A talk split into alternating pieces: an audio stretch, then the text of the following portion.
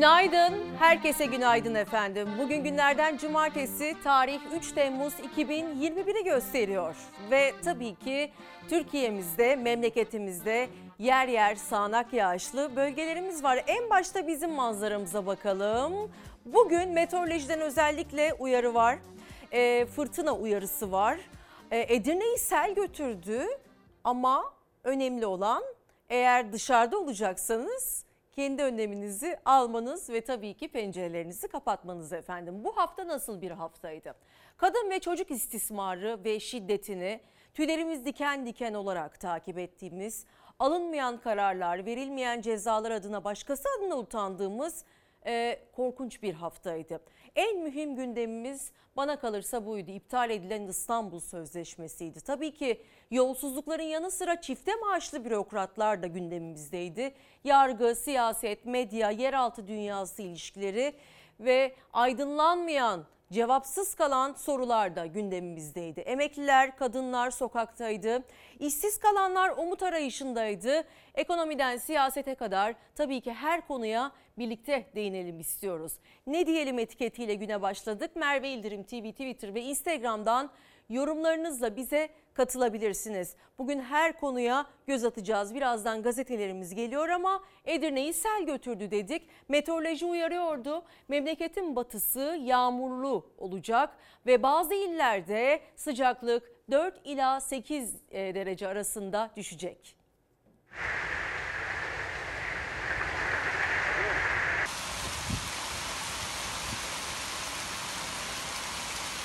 Trenden indik. Daha iner inmez hava karardı böyle bulutlandı. Yağmurla karışık dolu. Biz de anlayamadık ne olduğunu. Şimdi oldu. 10 dakikanın içinde. yani. Her şey dakikalar içinde oldu. Çatılar uçtu, ağaçlar devrildi, yollar göle döndü. Yurdun kuzeybatısından giriş yapan yağmur Edirne'de sel oldu. Kaldık suyun içinde. Sonra Ara, aracın içinde su bile doldu yani. Evimizde mahsur kaldık. Canımızı zor kurtardık ya. Edirne, Tekirdağ ve Kırklareli'de dün başladı yağmur. Sıcaklık az da olsa düşecek. Yağmur tüm şiddetiyle yağacak. Sonra da hafta sonuna yayılacaktı. Ancak tahmin edilenden daha şiddetliydi yağmur. Fırtına ve dolu da eklenince şiddetine yollar dakikalar içinde göl oldu. Araçlar trafikte ilerlemekte güçlük çekti. Su dolan dükkanına giren esnaf ziyan da olsa mallarını kurtarmaya çalıştı. Sel akşam saatlerinde çekildi yollardan ancak fırtına dinmedi. Ağaçlar araçların üzerine devrildi. Çatılar uçtu, yollara savruldu. Arabalı trenin üzerine ağacın devrilmesi büyük korku yaşattı. O vagonu görüyor musunuz? O ileride vagon var. Onun üzerine düştü. Tipi oldu burada. O tipi de çatıları martaları yıktı getirdi buraya. Tokat'ta 37 dereceye yükselen hava sıcaklığı nedeniyle Tokat Almus Karayolu Gümenek mevkiinde asfalt eridi. Yoldan karşıdan karşıya geçiyordum.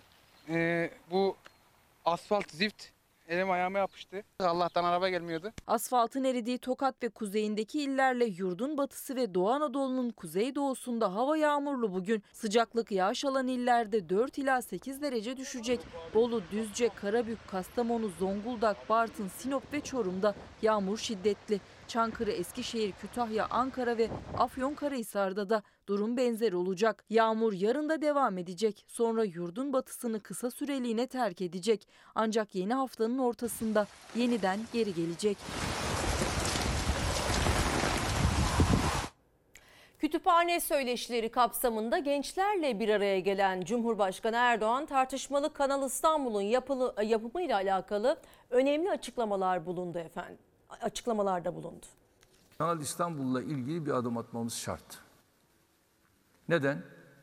Çünkü İstanbul Boğazı bir defa çevre katliamı için her an bir tehdit. Birçok kere İstanbul Boğazı'nda kazalar oldu. Şimdi biz bunlardan hiç kendimize bir şeyler çıkarmayacak mıyız? Yılda 45 bin geminin geçiş yaptığı İstanbul Boğazı'nın bu trafiği daha fazla taşıması mümkün değil. Dedik ki burada yapılan projeksiyonlar 2050 yılında bu rakamın 78 bini bulacağını gösteriyor. Boğazı gemi geçişlerine kapatamayacağımıza göre artan trafiği karşılamak için artık elimizde tek imkan vardı. O da Kanal İstanbul. Kanal İstanbul'un her iki tarafına dedik ki adeta şehir kuralım. Bir de böyle bir adım atalım. Öyle dikey mimari değil. Hedefimiz yatay mimari. Yani zemin artı 4. Bilemedin zemin artı 5. Daha fazla olmayacak. 11 ayrı üniversiteden 51 bilim insanı ile toplam 204 uzman burada görev yaptı. Yapılan etütler Kanal İstanbul'daki gemi trafiğinin Boğaz'a göre 13 kat daha güvenli gerçekleşeceğini bize gösterdi. Kanal İstanbul'la hedefimiz birinci derecede bir çevre tehdidinin ortadan kaldırılması, iki Allah göstermesin İstanbul'daki bugüne kadar yaşanmış olan bütün o kazalardan filan bunlardan büyük oranda tamamen kurtulmak. Üç, çok daha sağlıklı bir deniz trafiğini sağlamak. Ve gün boyu gazetesinden ilk detayımızı sizlerle buluşturalım. Aşılamada 3. doz tartışılırken 3. doz e, aşıda başka bir aşı tercih edebileceğinizi açıklıyor uzmanlar. Hatırlatma aşı- aşısı 3 ay sonra 3. dozda farklı aşıyı seçebilirsiniz. Uygulanacak ilk iki aynı aşıdan sonra son dozda hatırlatma aşısı diye adlandırılan farklı aşının vurulabilmesi ihtimali Sağlık Bakanlığı Bilim Kurulu üyeleri tarafından kabullenildi.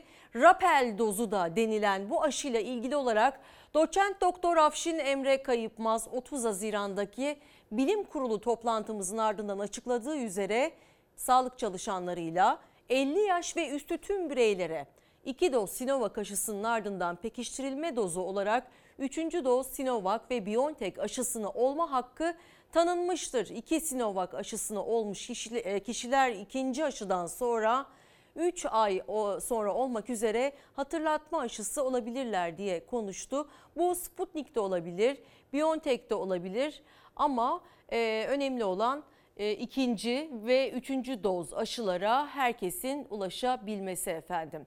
Delta varyantı dünyayı tehdit etmeye devam ediyor bir yandan.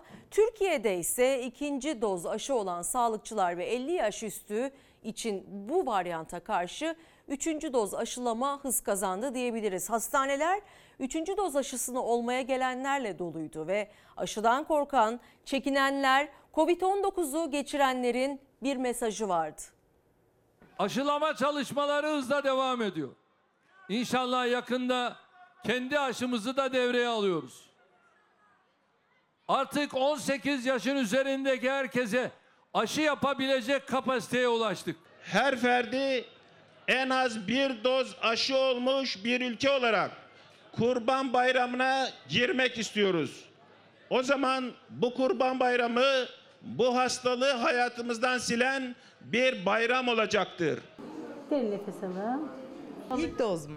İlk doz. İlk doz mu olacaksınız? Yok üçüncü. Şubat, Mart, e, Sinovac. Şimdi Biontech olacağım. Pandemiden bizi çıkarmaya sağlayacak şey, tekrar özgürlüğümüze kavuşturacak şey iki doz aşıyı tamamlamak. İki doz aşı tamamlandığında vakalar artsa bile hastaneye yatış ve ölümlerin ne kadar az olabildiğini yani e, makul hale getirilebildiğini sürecin gösteriyor. Bu bakımdan iki doz aşılamanın tamamlanması çok önemli. Salgından çıkışın anahtarı aşılama. Yaş grupları, meslek grupları hızla aşılanıyor. Toplamda aşı sayısı 50 milyonu geçti. Hastaneler yoğun. Sırası gelenler aşılarına olmak için hastanelerin aşı uygulama noktalarına geliyor. İlk doz aşısını olmaya gelen de var.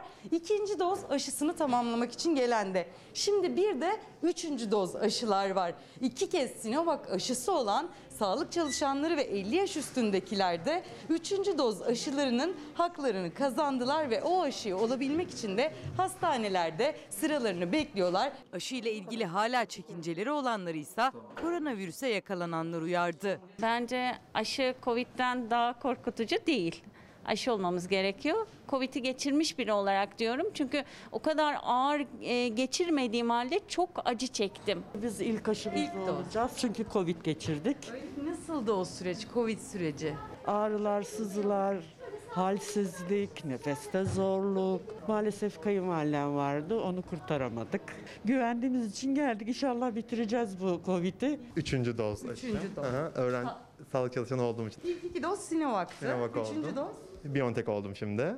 Neden Biontech tercih Ee, neden Biontech'i tercih ettim? Delta varyantına karşı daha etkili olduğu için açıkçası Biontech oldum. Canını seven olsun. İki kez Covid geçiren, gözlerine emboli atan bir sağlık çalışanı 37 yaşındaki Sinan Koç. Üçüncü doz hakkı açılır açılmaz aşısını olmaya geldi. Covid'i ben iki defa geçirdim. İlki çok ağır geçti. İlkinden sonra da ben aşı olmaya çok karşıydım. İkinciden sonra sıkıntı olunca mecbur olmak zorunda kaldım. Bunu atlatmak için herkesin muhakkak aşı olması gerekiyor. hastalığı kapmanızı yüzde otuz önlüyor tek dozu, iki dozu yüzde doksan önlüyor. Hasta olmanızı kaptıktan sonra hasta olmanızı tek dozu yüzde doksan önlüyor. Özellikle Rusya, İngiltere ve İsrail'de vaka sayıları her geçen gün delta varyantıyla yükselmeye devam ediyor. İsrail'de yeni vakaların %90'ında delta varyantı tespit edildi. İngiltere'de ise nüfusun %65'i tek doz aşılanmıştı. Şubattan bu yana en yüksek vaka sayısı görüldü. Avrupa'da da hastalığın yeniden yayılmasının nedeni aşılamanın çok yavaş olması. Hiç aşılanmasını doğru düzgün tamamlamayan Rusya gibi ülkelerde ise salgın tekrar bizi Nisan'daki pik gibi bir duruma götürüyor. Delta kaplamaya başlayınca vakalar artmaya başladı. Bu hafta en çok konuşulan açıklamalardan biri de Sayın Emine Erdoğan'ın porsiyonları küçültün açıklamasıydı. Kamuda tasarrufa gidildi. Birazdan detaylara bakacağız ama Evrensel Gazetesi'nden dikkat çekici bir başlık görüyoruz. Lokmaları sayarak yiyoruz. Emine Erdoğan'ın porsiyonları küçültün önerisine böyle bir tepki geldi. Evini bir kuru asgari ücretle geçindirmeye çalışan Gizem isimli kadın artık bir çeşit bile yemek yapamaz hale geldik dedi. Günde 12 saat çalışan metal işçisi Neslihansa çok çalışıyorum ama aldığım para ancak 15 güne yetiyor kalanı borç diye konuştu.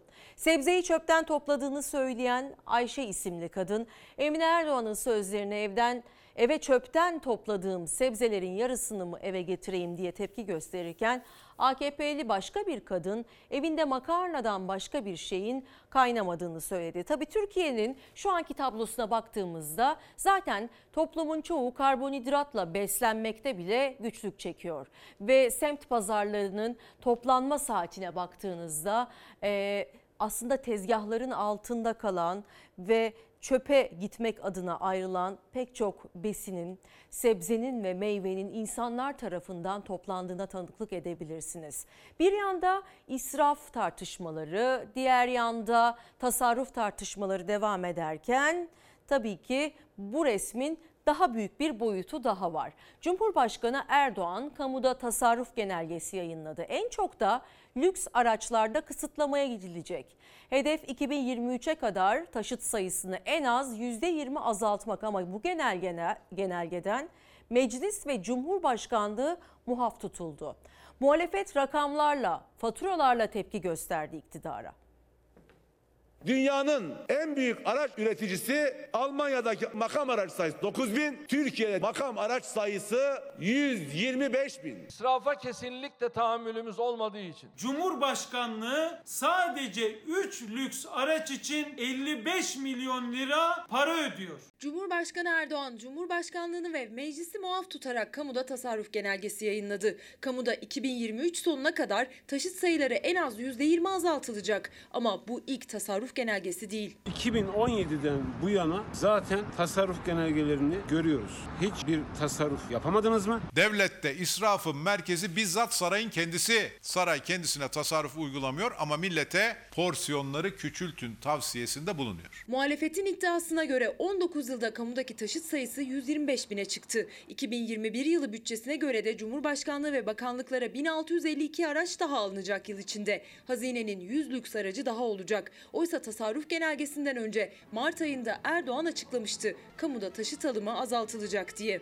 Kamuda taşıt alımı ve kiralanması sınırlamalar getiriyoruz. Sadece 2 hafta sonra Cumhurbaşkanlığı yurt dışından lüks araç siparişi verdi. CHP'li lideri Deniz Yavuz Yılmaz Erdoğan'ın taşıtta tasarruf açıklamasından iki hafta sonra Cumhurbaşkanlığına alınan 55 milyon liralık 3 lüks aracı faturalarıyla gösterdi. Her bir lüks aracın fabrika çıkış fiyatı 474 bin avro. Bu rakamın üzerine yüzde 220 ÖTV ve yüzde 18 KDV eklemek gerekiyor. Bir lüks aracın fiyatı 18 milyon 543 bin 871 lira. Cumhurbaşkanlığında araba yok muydu? Bildiğimiz 13 tane uçak, binlerce makam arabası, iletişim başkanına daha geçen ay Avrupa'nın en lüks makam arabası. Bre bu ne be? Tasarrufu fakir fukaradan bekliyoruz. Sizin tuzunuz kuru. Baksanıza adam arabası bozulunca durmak yok yola devam şiarıyla dolandırıcının verdiği aracı makam aracı yapmış. Devletin tepesinde tık yok. Sadece israf üzerinden de değil Gelecek Partisi sözcüsü Serkan Özcan iktidarın sessiz kaldığı yolsuzluk iddialarını da hatırlattı. Külenen tartışmayı yeniden alevlendirdi. O arabayı keşke kendi paramla alsaydım diye itirafta bulunan danışmanlarınıza hesap soracağız. O uçaklara, o arabalara binenlerin burnundan fitil fitil getireceğiz. 1 Temmuz itibariyle sağanak şeklinde yağan zamlara muhalefetin de tepkisi büyük. Özellikle zamanlamaya vurgu yapan muhalefet iktidarı emekli ve çalışanların maaş artışları üzerinden topa tuttu bu kez. Tam bir şark kurnazı. Bu zammı 30 Haziran'da değil de 31 Mayıs'ta yapsalar enflasyon hesabına girecek idi ve 1 Temmuz'da yapılacak emekli ve memur zamlarına bu enflasyon artışı yansıtılacaktı. Artık bundan medet ummaya başladılar bakın. Böylece Temmuz'da verilecek ücret ve aylık zamları memurunun, emeklinin cebine girmeden eriyip gitti. Türkiye böyle bir hinliği, böyle bir zulmü ne gördü ne de duydu. Muhalefet elektrik ve doğalgaza gelen yüksek zamlar kadar bu zamların zamanlamasına da öfkeli. Çalışanın, emeklinin yılın ikinci 6 aylık zamlarını etkileyecek zamanlamaya Babacan şark kurnazlığı, Faik Öztrak hinlik, zulüm dedi. Haziran'ın son günde yapıldığı için bu zamlar ilk 6 aylık enflasyon sepetinin dışında kaldı. 6 ay boyunca bu zamların getirdiği enflasyon yükünü emeklimiz, memurlarımız kendi ceplerinden, kendi dar imkanlarından karşılamaya çalışacak. Saraydakiler yediğinden, içtiğinden, şatafatından, israfından geri kalmasın diye bir de zamlar milletin üstüne yağmur gibi yağıyor. Zamlar Haziran sonu değil de Mayıs sonu olsaydı enflasyona etki edecekti. Böylelikle memurun, emeklinin alacağı 6 aylık enflasyona bağlı maaş farkını da etkileyecekti. Muhalefet bu detaya dikkat çekti, iktidarı millete şikayet etti. Esnafından çiftçisine, işçisinden memuruna kadar herkesin hayat kalitesi mukayese edilmeyecek düzeyde yükselmiştir. Sıkıntılarımız hala yok mu? Tabii var. O sıkıntıları çözebilecek birikime yine biz sahibiz. Diğerlerinden bir şey olmaz. Sokağın derdine kulak veriyoruz. Bir dokunuyoruz, bin ah istiyoruz. Hiçbir şey yolunda değil. İyi diyoruz ama iyi demek zorunda. Her şey ateş pahası. Millet alamıyor. Elektrik, doğalgaz her gün zam geliyor. Şu peyniri biz geçen sene 20 liraya satıyorduk. Şu an 40 lira. 1 lira zeytin kilosu. Adam bir zeytin bir peynir mi yiyecek 100 liraya günlük çalışırdan? Muhalefet sadece kürsüden ekonomi eleştirisi yapmıyor. İl il, ilçe ilçe gezip esnafın vatandaşın nabzını da tutuyor. Sakarya'da bir pazardaki esnafın bu sözleri hem tüketicinin hem de satıcının durumunu özetler gibiydi. Sadece Sakarya'da değil, Çorum'da da, Eskişehir'de de esnaf, vatandaş dertli. Bu ne ya? Millet öldürmediler, süründürdünüz. Ya ikiye katlandı. Bu pandemide bir yıldır yani dükkanın kirasını ödemiyoruz. Bu Ağustos 2020 31 lira, bu 60 lira. Şu anda da pazar günleri açmıyoruz. Geçen sene pazar günleri de açıyoruz. O kadar gelirinde de arttı mı? Ve zamları geri alın e, çıkışı var. Tabii ki halk tepkili 1 Temmuz itibariyle elektriğe %15, konutlarda kullanılan doğalgaza %12, sanayide kullanılan doğalgaza ise %20 zam geldi ve salgın sebebiyle zaten uzun zamandan beri ekonomik sıkıntı yaşayan vatandaşlar yapılan zamlarında geri çekilmesini istiyor. Özellikle işsizlik oranı Cumhuriyet tarihinin en yüksek seviyesindeyken 1 Temmuz itibariyle işten çıkarma yasağının da ortadan kalkmış olması yeni işsizleri de kitlesel işsizliği de beraberinde getirdi. İlerleyen dakikalarda bakacağız. CHP'li Deniz Yavuz Yılmaz PTT'nin kargoları şifrelemek için kullandığı kargomat sistemleriyle ilgili çarpıcı bir iddiada bulundu efendim. Yavuz Yılmaz 25 bin lira olduğu iddia edilen PTT kargomatlarının tam 300 bin liraya ihale edilerek devlete zarar verildiğini iddia etti. Ve bir yanda israfları, diğer yanda e, vatandaş ekonomisini konuşurken Kargomat ihalesini alanın Binali Yıldırım'ın baş danışmanının oğlu olduğu ortaya çıktı ve yaklaşık 90 milyon lira verildiği iddia edildi. Piyasa fiyatı 20-25 bin lira olan bu kargomatik siz hangi rakamdan satın aldınız? PTT'den gelen yanıta göre kargomatların birim bedeli 33.800 Amerikan doları. Bir kargomat bir ev fiyatına. 90 milyona mal olan PTT Kargomat, kargoların şifre yoluyla alınıp verildiği bir sistem. 2017 yılında tanıtımını dönemin Başbakanı Binali Yıldırım yapmıştı. CHP'li Yavuz Yılmaz, kargomatları üreten firmanın da Yıldırım'ın baş danışmanının oğlu olduğunu açıkladı belgesiyle. Kargomatik e, işini yapan yani malzemesini üreten firma Binali Yıldırım'ın baş danışmanı olan Ömer Sertbaş'ın oğlu. Bu iddiayı KİT komisyonunda dile getirmişti CHP'li Deniz Yavuz Yılmaz. Bir kargomat 300 bin liraya denk geliyor. Bu büyük bir soygundur, büyük bir hortumdur. Binali Yıldırım'ın baş danışmanının oğluna ait şirket 2016 yılında kuruldu. 2017 yılında PTT'ye 100 adet kargomatik sattı. 2018 yılında da aynı şirket ihaleyi kazandı. 300 adet daha kargomatik satıldı. Toplam değeri 10 milyon 148 bin dolar. Bugünün kuruyla 90 milyon lira. Aynı zamanda da %60 avans verdiniz mi firmaya? Soruyorum ve hemen gösteriyorum. Bu da sözleşmesinde %60 bu firmaya PTT'nin avans verdiğini gösteren belge. Yıldırım'ın baş danışmanı Ömer Sertbaş'ın oğlu Halim Sertbaş'a hem milyon dolarlık ihale hem de daha işe başlamadan %60 avans verildiğini de belge göstererek PTT yetkililerinin yüzüne açıkladı Yavuz Yılmaz. Oysa ki kargomatların üretim maliyeti sadece 20-25 bin lira. CHP'li Yavuz Yılmaz'ın iddiasına göre ihalede 25 bin liralık iş 300 bin liraya yaptırıldı. Yani tam 12 kat zararına. Yandaş şirketler zenginleşmeye, lüks ve şatafat içinde yaşamaya devam ediyor. Türk Gün Gazetesi'nden başka bir gündem maddesi. Tank paletin tapusu devlette CHP ve yancılarının Türkiye'nin milli güvenliğini hiçe sayarak yalan, istismar, karalama ve aldatma için malzeme yaptıkları tank palet fabrikası gerçeğini Cumhurbaşkanı Recep Tayyip Erdoğan açıkladı. Hep bizim kalacak dedi. Erdoğan, Arifiye 1. Ana Bakım Fabrika Müdürlüğü'nü ziyaret etti ve ziyaret sonrası işçilere yaptığı konuşmada tank palet fabrikasının Katarlılara satıldığının yalan olduğunu söyledi. Erdoğan fabrikamızın mülkiyeti hazinenin tahsisi Milli Savunma Bakanlığımızdır. Yani burası devletin malıdır, tapusu devlettedir.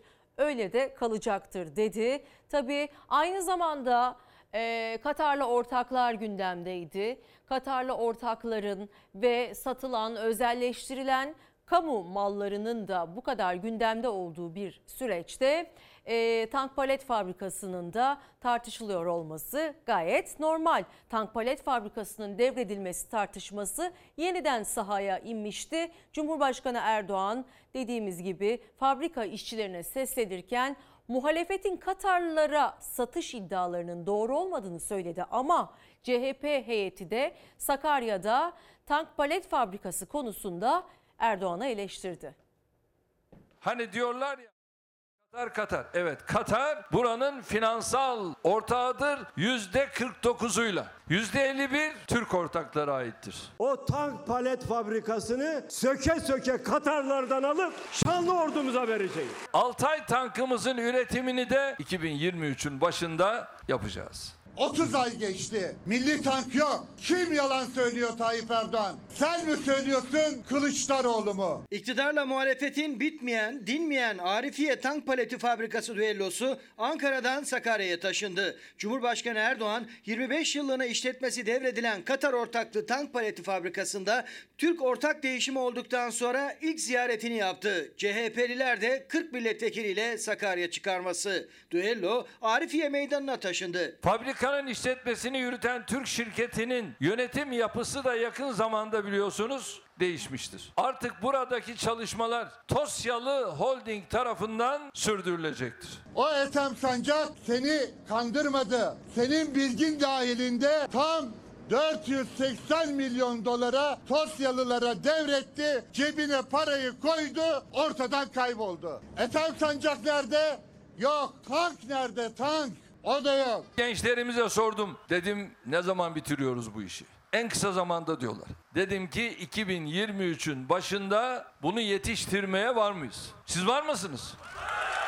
2018 yılında Savunma Sanayi Başkanı 18 ay sonra ilk yerli tank Altay'ın müjdesini vermişti. Ama Erdoğan muhalefetin tank nerede sorular arasında yeni tarihi 2023 olarak revize etti. Tank paleti fabrikası Katarlılara peşkeş çekildi suçlamalarına da Katar'ın ortaklık durumunu açıklayarak cevap verdi. Bugün de Erdoğan tank palet fabrikasındaydı. Tankı palet sattılar diyenler yalan söylüyor dedi. Ne satması? Biz satmaktan hiç bahsetmedik. Biz peşkeş çektiniz dedik peşkeş. Her kim bu fabrikanın satıldığını, hele hele yabancılara satıldığını iddia ediyorsa bilin ki yalan söylüyor.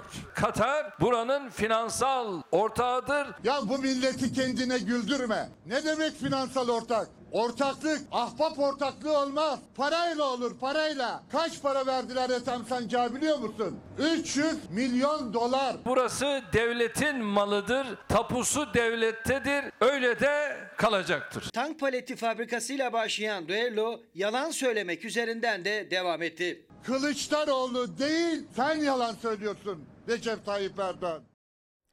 Tank palet fabrikalarının yanı sıra bu haftanın en çok tartışılan konularından biri de devlet kasasından milyar- milyarlarca ödediği özel sektöre yaptırılan şehir hastanelerinin Danimarkalı şirkete satılıyor iddiası, satıldı iddiasıydı.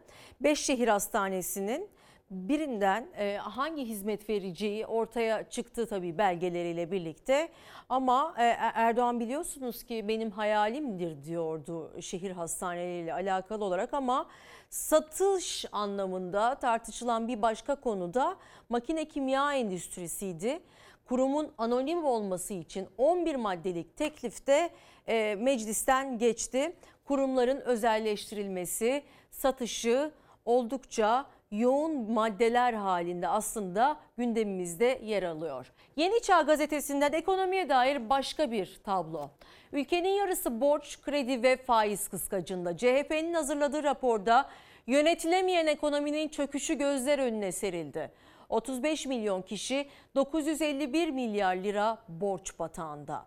Tabii ki Merkez Bankası rezervinin eksiye düşmüş olması da bir yılda ödemesi gereken dış borç miktarının 190 milyar dolar, rezervlerinin ise eksi 56,5 milyar dolar olması da bu açığın swapla, e, swap, swapla karşılanmaya çalışıldığının göstergesi oldu. Bu raporlar gündemde. Pandemide vatandaşa destek yerine krediyle borçlandırdığı belirtilen raporda icra dairelerinde e, derdest edilen dosya sayısı 22 milyon 158 bine dayandı.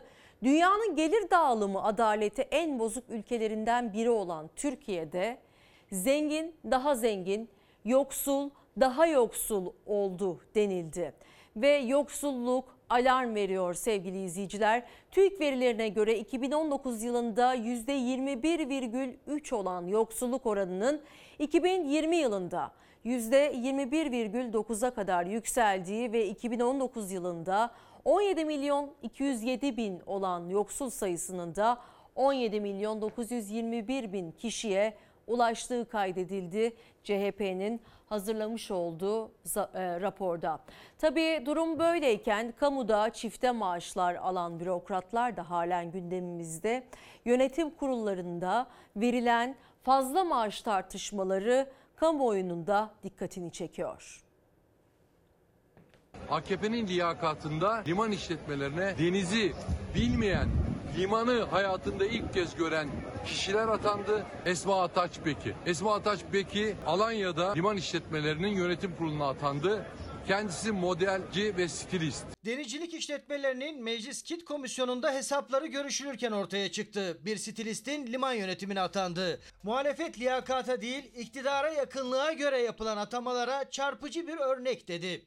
Aslında oraya denizcilik işletmelerinden görevli kişilerin atanması gerekirken oraya tamamen siyasiler, Cumhurbaşkanına yakın isimler hatta Modelist, stilist kişi atanmış. Saray ve şürekasının 3-5 maaşı gövdeye indirmesi vakayı adiyeden oluyor. İbretlik. Bu milletin vicdanını sızlatıyor. Yaptığı işle uzmanlık alanıyla hiç ilgisi olmadığı halde moda üzerine çalışan bir iş kadınının, bir stilistin özelleştirilen Alanya Limanı Yönetim Kurulu'na kamu adına atanması hem şaşırttı hem kızdırdı muhalefeti. Modelci ve stilist. Ne ilgisi var diyebilirsiniz denizcilik işletmeleriyle. Denizcilik işletmeleriyle elbette asla ilişkisi olamaz. Ona eğer bir hakkı huzur, ona bir maaş söz konusuysa elbette ki olur. İşte liyakat bu. CHP İzmir Milletvekili Atilla Sertel'in komisyonda genel müdüre sorduğu soruya gelen yazılı cevaba göre daha önce özelleşen limanların yönetim kuruluna denizcilik işletmelerinden bir personel üye olarak atanıyordu. Ancak bu kural 2014 yılından sonra bozuldu ve iktidarın Ankara'dan belirlediği isimler atanmaya başladı. Dört eski AKP milletvekili var. Bir belediye başkan adayı adayı var AKP'den. Bunun yanı sıra Cumhurbaşkanlığı özel kalem müdür yardımcısı var. Ama bir kişi var ki akıllara durgunluk verir. Esma Ataç peki. Bugün itibariyle limanlara gönderilen yönetim kurulu üyeleri arasında yer alan eski AK Partili vekillerden Necip Kalkan Hopa, Hüseyin Özbakır Trabzon Limanı yönetiminde. Yine Cumhurbaşkanlığı Özel Kalem Müdür Yardımcıları Recep Çevik Ege, Yusuf Aydın Marmaris Limanı, Milli Saraylar Daire Başkanı Yasin Yıldız Çeşme Limanı Yönetim Kurulu'nda. Millet bunların her yaptığını görüyor, notlarını veriyor. Tasdiknamelerini vermek için de önüne gelecek sandık için gün sayıyor. Çoklu maaşlar ve yandaş atamalar tartışmasında liman yönetimine atanan stilist örneği zincirin son halkası oldu. Doktor Aysel ne kadar zengin mirasımız varmış sat sat bitmedi diyor. Merve İldirim TV Twitter ve Instagram'dan yorumlarınızla, düşüncelerinizle bize katılabilirsiniz. Siz de bu hatırlatmadan sonra Milliyet Gazetesi'ndeki manşete bakalım. Malum artık e, normalleşmek adına e, üçüncü aşamadayız ve pek çok e, durum aslında normale döndü ama kalabalıklarla birlikte normale döndü ve bu aslında tehlikeli bir durum. Üçüncü doz aşı tabii ki gündemde ama delta varyantı meselesiyle bir yandan uğraşırken diğer yandan kalabalıkların tamamen eski haline dönüyor olması da uzmanların dikkatini çekiyor efendim. Yasaksız her gece Milliyet gazetesinden Covid-19 kısıtlamalarının olmadığı ilk gece Sokaklar ve eğlence mekanları coşkulu insanlarla doluydu. Yasakların son bulması esnafı ve vatandaşı memnun etti. Bu hafta e, Türkiye'mizin en gözde e, tatil beldelerinden olan Bodrum'daydım. Bodrum Türkbükü özellikle ekonominin en çok birbirini beslediği semtlerinden biridir Bodrum'un ama orada birkaç esnaf e, beyefendiyle hanımefendiyle konuştuğumda işlerin hiç iyi olmadığını söylediler ve özellikle benden iletmemi istedikleri bir talepleri vardı. Faizsiz kredi istiyorlar çünkü borcu borçla kapatmaya çalışırken faizleri ödemekte, çekmiş oldukları kredi faizlerini ödemekte çok güçlük çektiklerini söylediler. En azından faizlerin düşürülmesi ya da çekmiş olduğu kredilerin revize edilirken faizlerinin silinmesi talepleri var. Özellikle turizmle uğraşan vatandaşlarımızın bu talebini de buradan iletmiş olayım efendim. İçişleri Bakanı Süleyman Soylu son haftaların en dikkat çekici isimlerinden biri. Sayın Bakan e, çok dikkat çeken manidar ve sistemkar bir cümle kurdu. Bana yönelik o kadar çok itham var ki dünyanın en kötü adamıyım dedi. Bakanın bu sözleri siyasette de yankılandı ve Soylu'nun son zamanlarda bakanlığıyla da ilgili etkinliklerde Cumhurbaşkanlığı sarayındaki toplantılarda niçin olmadığı sorusu gündeme taşındı. Muhalefete göre Cumhurbaşkanı Soylu'yu kendisinden uzak tutuyor. Bana yönelik o kadar itham var ki ben dünyanın en kötü adamıyım. Hadi görüşürüz. Kaymakamlar toplantısı var. Süleyman Soylu yok. Kadına karşı şiddetle mücadele gibi bir konuda İçişleri Bakanı yok. Cumhurbaşkanı Süleyman Soylu'yu kendinden uzak tutuyor. Yüzü gülüyordu ama sözleri sistemkar, manidar, kameralar önünden uzaklaşması da dikkat çekiciydi. İçişleri Bakanı Süleyman Soylu günler süren suskunluğunu İçişleri Bakanlığı'nın bir etkinliği sonrası bozdu. Ama son günlerde alanıyla ilgili Cumhurbaşkanlığı sarayındaki etkinliklere katılmamasını da muhalefet gündeme taşıdı. Kadına yönelik şiddetle mücadele 4. Ulusal Eylem Planı tanıtım toplantımızın Kadına yönelik şiddetle mücadele 4. Ulusal Eylem Planı toplantısında 3 bakan vardı ama o yoktu. Muhalefet Erdoğan Soylu'yu kendinden uzaklaştırdı iddiasında. Mafya ile ilişkiler, suç örgütleri, FETÖ borsası, AK Parti'nin içinden gelen tepkiler sonucunda Cumhurbaşkanı Süleyman Soylu ile arasına mesafe koyuyor. Kötü kokular geliyor, maske takalım. Süleyman'la araya mesafe koyalım. Hijyen olsun, temizlik olsun. Öyle temizlik olmaz. Ayda kime 10 bin dolar para gönderiyorsa hangi siyasetçiye? Oradan sor. İçişleri Bakanımızın yanında olduk, yanındayız ve yanında olacağız. Hakkındaki iddialar sürecinde sadece iki televizyon programına katıldı Soylu. Cumhurbaşkanı bir grup toplantısında İçişleri Bakanı'na desteğini dillendirdi ama neredeyse hiç yan yana gelmedi. Önce 8 Haziran'daki kaymakam adaylarının Cumhurbaşkanı'nı ziyaret fotoğrafında yoktu. E, Bir siyasi parti mensubu değilsiniz. Bir ideolojinin taraftarı değilsiniz. Yapmanız gereken en önemli şeylerden bir tanesi fotoğraf çekmek, olayı ortaya koymaktır. Anlatabildim mi? Son olarak da Cumhurbaşkanlığı sarayındaki toplantıda yine tek eksik Soylu'ydu. Kadına şiddete karşı mücadele toplantılarında önceleri Adalet Bakanı ve aileden sorumlu bakanla birlikte açıklamalar yapan Süleyman Soylu, diğer ilgili bakanlar olmasına rağmen 4. eylem planı açıklanırken Cumhurbaşkanı'nın yanında yoktu. Sadece bu iş için söylemiyorum ya siyaset alet olmayın. Ya bana, bana yönelik o kadar itham var ki ben dünyanın en kötü adamıyım. Hadi görüşürüz. Bu yanıt yaptıklarının ve söylediklerinin hesabını veremeyen bir yöneticinin ruh halini yansıtmaktan başka bir işe yaramıyor. AK Parti grup toplantısı dışında Soylu'nun dikkat çeken yokluğu sadece tesadüf mü yoksa her iki taraftan birinin tercihi mi bilinmiyor. Haftanın en korkunç meselelerinden biri de kadın ve çocuk istismarı, kadın ve çocuk şiddetiydi. Buna dair korkunç bir haberle Elmalı davasıyla sarsıldık. Tüylerimiz diken diken olarak aslında vicdanları sorgulayarak, yargının eksikliğini sorgulayarak takip ettik haberin detaylarını ve halen de takip etmeye devam ediyoruz. Bir yanda İstanbul Sözleşmesi'nin iptali, Türkiye'nin İstanbul Sözleşmesi'nden çıkışını ne yazık ki elimizden gelmeyerek, elimizden bir şey gelmeyerek takip ettik. Kadınlarımız eylemdeydi ve bunun yanı sıra istatistikler de aslında durumun ciddiyetini gözlerimizin önüne bir kez daha serdi. Bir gün gazetesinden çocuklar nasıl anlatacak başlığını görüyoruz. İstismar skandalları bitmezken 10 yıl önce her kentte kurulacak denilen çocuk izlem merkezleri için sözler tutulmadı. 31 kentte çim yok. Tartışmalı tahliyeler var. Her ile kurulacaktı. Elmalı ve Çanakkale'de çocuklara yönelik istismar sonrası önemli önemi bir kez daha ortaya çıkan çocuk izlem merkezlerinin yetersizliği resmi verilerle gün yüzüne çıktı. İlk çimin kurulduğu 2011'de genelgeyle ortaya konulan her kente çim yani çocuk izlem merkezi kurulacak hedefine karşın 10 yılda ancak bir arpa boyu yol alınabildi. Ve cinsel istismara maruz bırakılan, e, maruz bırakılma şüphesi altındaki çocukların ifade alma, adli muayene ve diğer her türlü soruşturma işlemlerinin tek merkezde yapılması amacıyla kurulmuştu bu kurum. Ama 31 kentte bulunmuyor. 6 milyon kişinin yaşadığı Ankara'da ise Sağlık Bakanlığı tarafından kurulan sadece ve sadece bir merkez yer alıyor. Elmalı'daki istismarı ortaya çıkaran resimlerin çimde çizildiğine dikkat çeken CHP'li Emir konuyu meclise taşıdı ve Bakan Koca'ya bakanlığın ihtimali yüzünden kaç vakanın bu şekilde üstünün örtüldüğünü sordu. Pek çok vakada uygun koşullar olmadığından resim çizdirilemiyor dedi. İşte ne kadar yüz karartıcı ve ne kadar ucuz, ne kadar e, aşağılıkça bir e, manzara ile karşı karşıyayız sevgili izleyiciler. Çocuklarımızı koruyamıyoruz. Kadınlarımızı zaten koruyamıyorduk ama kapalı kapılar ardında o çocukların nasıl travmalara maruz kaldığını da bu gibi merkezlerle ortaya çıkabilirdi profesyoneller, öğretmenler, psikologlar.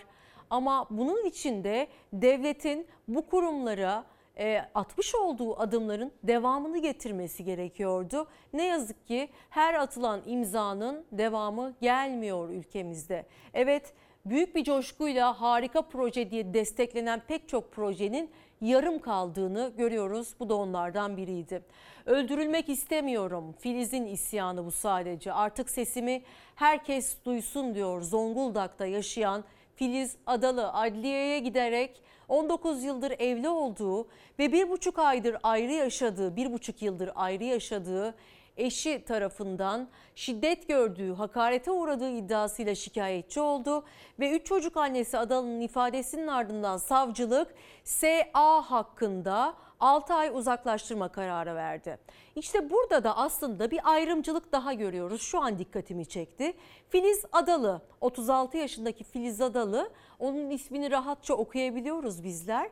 Ama ona şiddet gösteren, ve onu bir şekilde istismar eden belki de kapalı kapılar ardında ona işkence yapan e, eşi olan kişinin adı açıkça yazılmamış gazetede.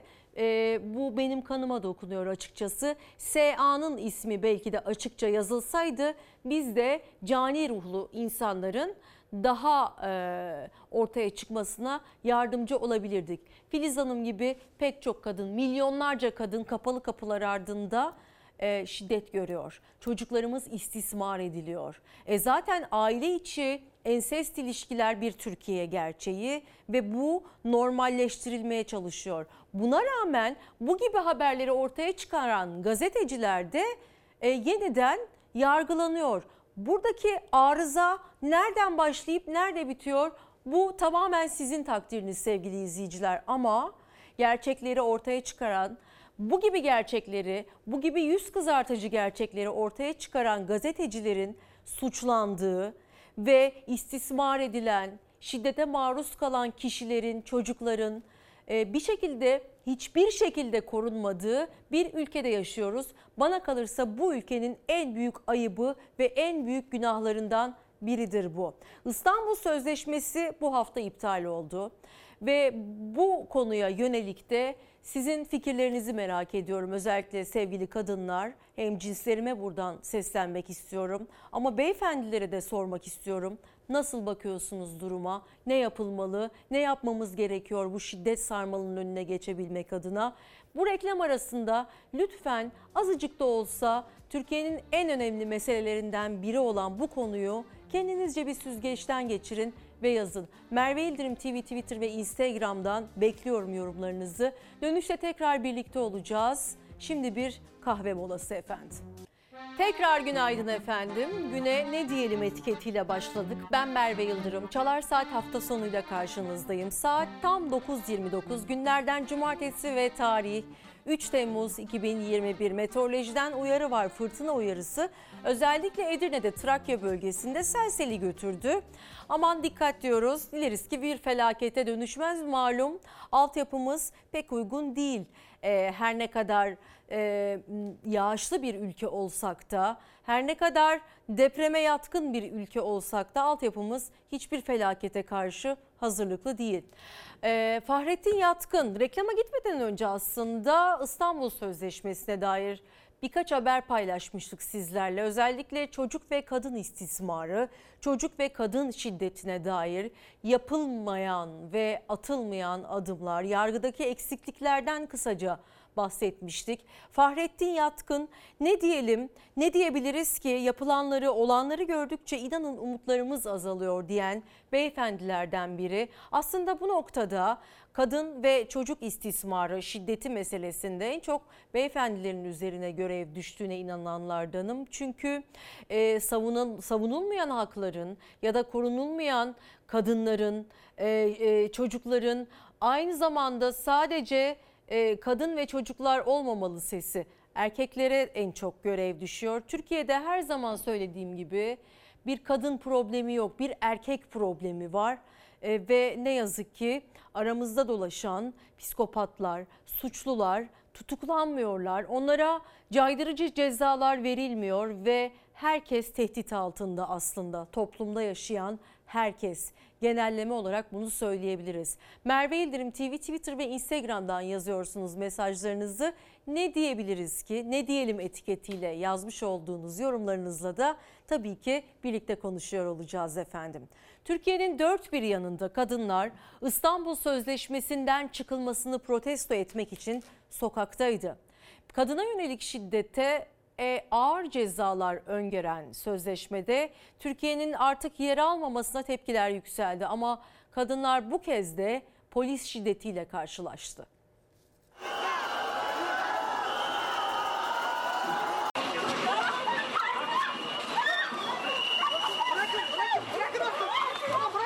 Kadınlar İstanbul Sözleşmesi'nden çekilmeyi, kadına yönelik şiddetin önünün açılmasını protesto ederken bir başka şiddetle yüz yüze kaldı. Bu kez polis kendi barikatını aştı, yıkarak geçti. Kadınlara müdahale etmek için. Türkiye'nin 1 Temmuz itibariyle çekildiği İstanbul Sözleşmesi için yurdun dört bir yanında sokaktaydı kadınlar. Pek çok ilde eylemlere barolar da destek verdi. Eskişehir'de ise tepki şarkılarla yükseldi.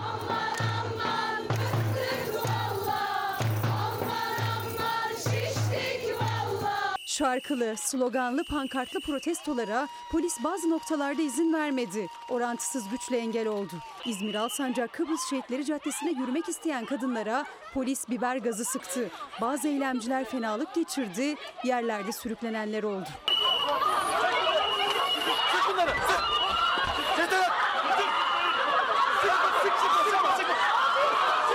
En sert müdahalelerden biri de yine İstanbul'da İstiklal Caddesi'ndeydi. Basın açıklamasının ardından yürümek isteyen gruba polis izin vermedi, biber gazı kullandı. Müdahale için polis kendi barikatını yıktı.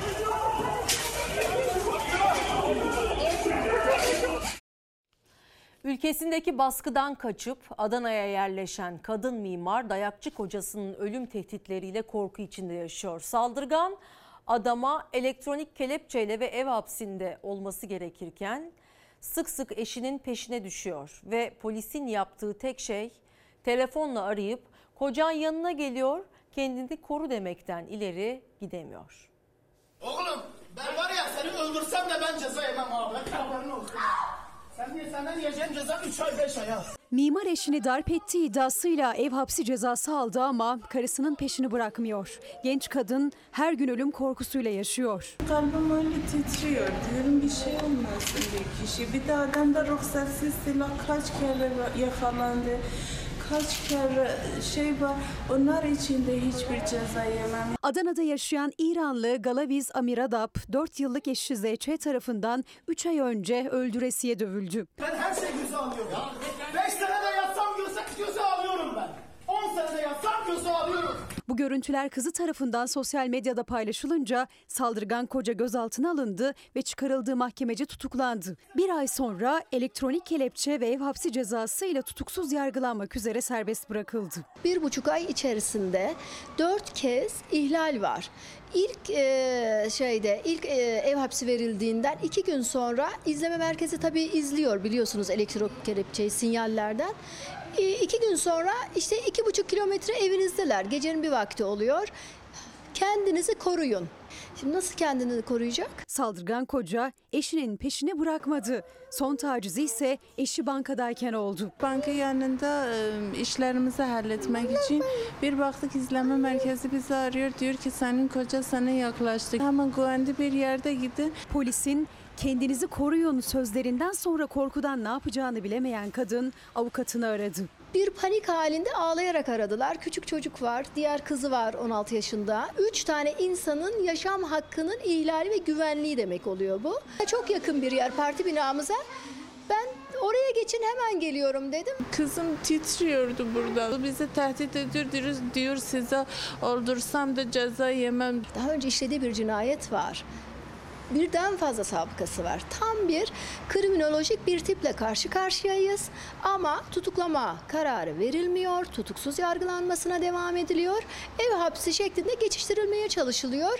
Galaviç ve çocukları hapis hayatı yaşıyorlar evlerinde. Şiddet mağduru kadın eşinin ev hapsi kararı olmasına rağmen her seferinde bunu ihlal ettiğini belirterek bir çözüm istiyor. Devlete onu e, bir tane hüküm verdi ki sen eve kal. O eve kalmıyor, biz eve kalıyoruz. Biz galiba ev hapsi yaşıyoruz. E, O adam rahat serbest geziyor.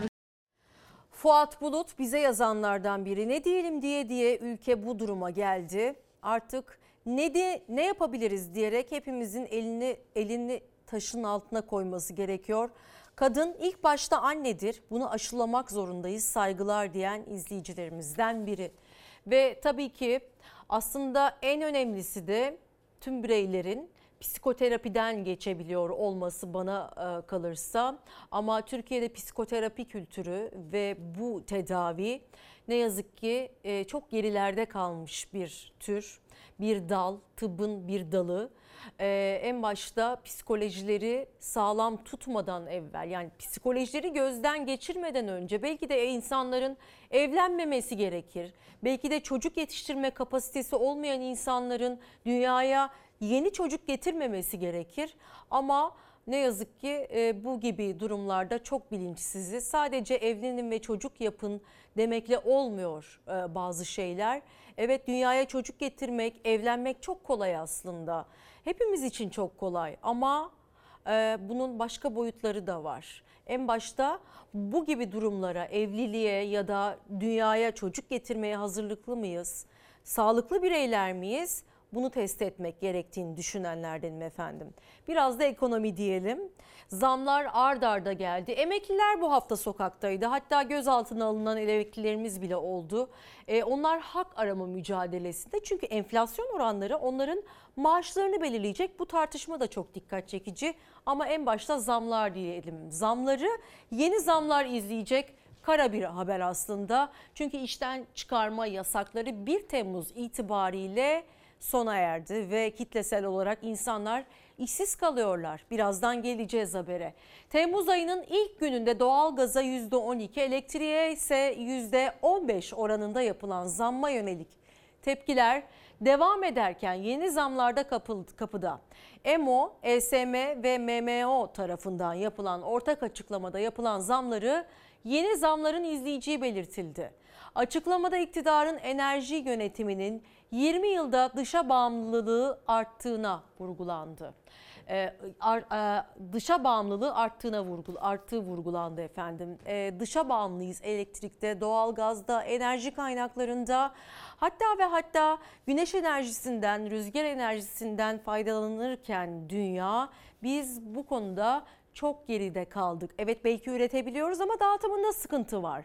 Aslında faturalarımızın daha da düşmesi gerekirken bizler hem enflasyon karşısında hem de çağın gerisinde kalan yatırımlarla çok ama çok gerideyiz. Ve 1 Temmuz'da işten çıkarma yasağının kaldırılmasıyla birlikte çok sayıda iş yeri de toplu çıkarmalarla başladı günlerine. Yani normalleşme aslında işsizlik getirdi. Hem de tam birçok kalemde zamların yapıldığı gün işsiz ve gelirsiz kalan milyonlarca insanımız var. İşten mi çıkarıldı? Evet. Ne zaman? 30'unda. Yani işten çıkarılma yasağının kaldırıldığı gün işten çık. Bir gün öncesinde işten çıkartıldı. Biz de biz de. Biz de aynı şekilde. Ha, işten çıkartıldık hemen. Hemen işten çıkartıldık görüyorsunuz. İşten çıkarma yasağı kalkar kalkmaz çalışanlar o kötü haberi almaya başladı. Birçok iş yeri toplu çıkarma yaptı. Normalleşme onlara işsizlik getirdi. Aynı iş yerinde biz 6 kişiydik. 6 kişi aynı gün işten mi çıkarıldı? Aynı gün işten çıkarıldı. Yasaklar kalkar kalkmaz hemen işten çıkardılar. İşverenlerin vicdansızlığından kaynaklanıyor. Para veremeyince patron bize, iş para kazanmayınca bizi de çıkardı işten yani. Ne zaman işten çıkarıldınız? Dün çıkarıldım efendim. Hala baştakilerine bakarsan ekonomi uçuyoruz. İşten çıkarma yasağının kaldırılmasıyla birlikte birçok şirket hiç vakit kaybetmeden işten çıkarmalara başladı. Artık iş kurların önü çok daha kalabalık ve Türkiye'nin yeni salgını işsizlik. Akşam haber verildi işten çıkarıldığını. Zaten çıkarmak için bekliyorlarmış. Yasağın kalkmasını bekliyorlar. Kapıyı da hatta böyle bir güzel yüzüme çarpıp çıkarıldım işte. Bir tane oğlum var okula gidiyor. Onun masrafları, e, kredimiz var. Onu nasıl yatıracağız? Önümüzü göremiyoruz hiçbir şekilde. Nereye gidiyoruz? Ne olacak? Yarınımız ne olacak? Her şeyden kısıyoruz.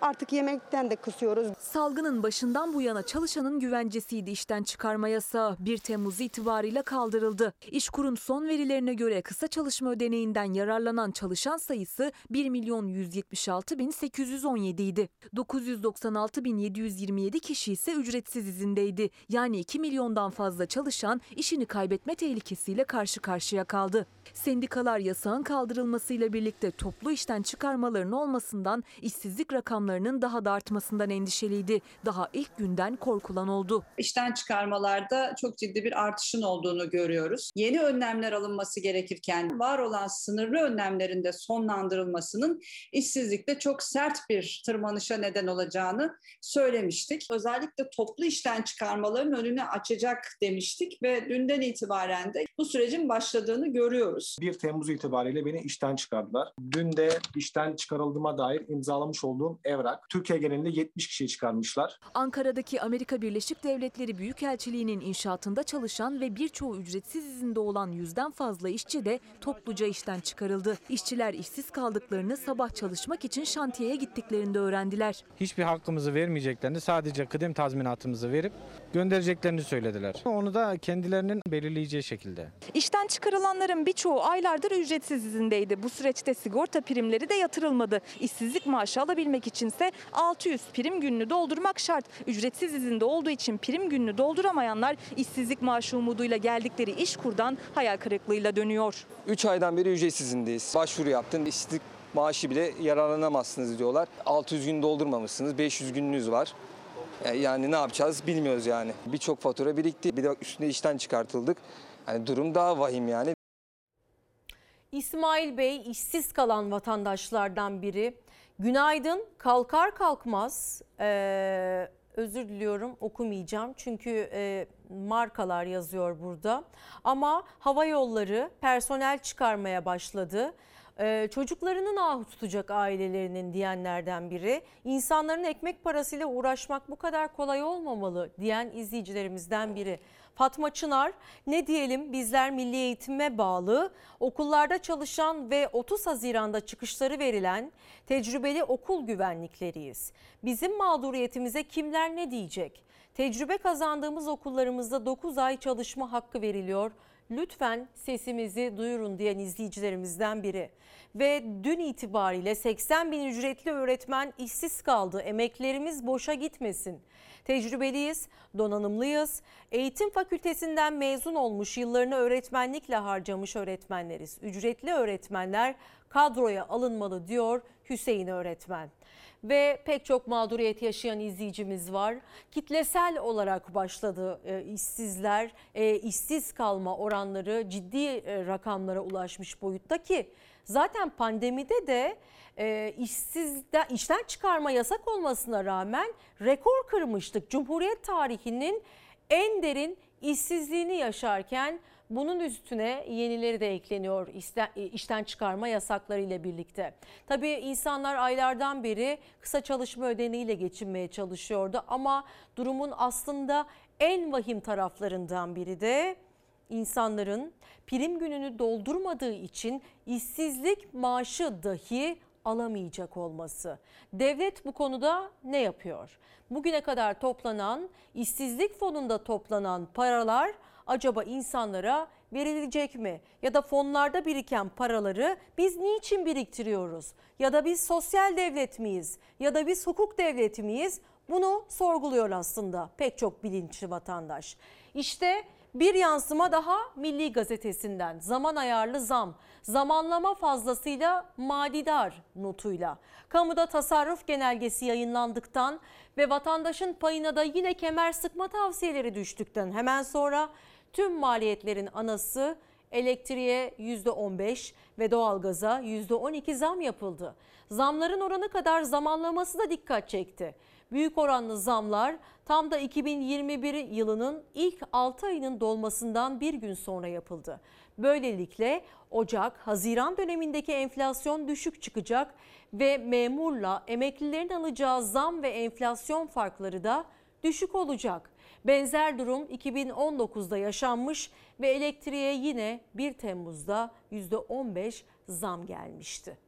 İşte efendim ince hesaplar üzerinden dönen ekonomi politikaları ve bu ekonomi politikaları karşısında mağdur olan vatandaşlar. Zamlar karşısında özellikle esnafımız, aylardır siftah yapmayan emekçilerimiz çok zor durumdalar. Ve onlar zamların iptali için yargıya başvurmak için hazırlanıyor. Tabii ki yargı seslerini duyarsa.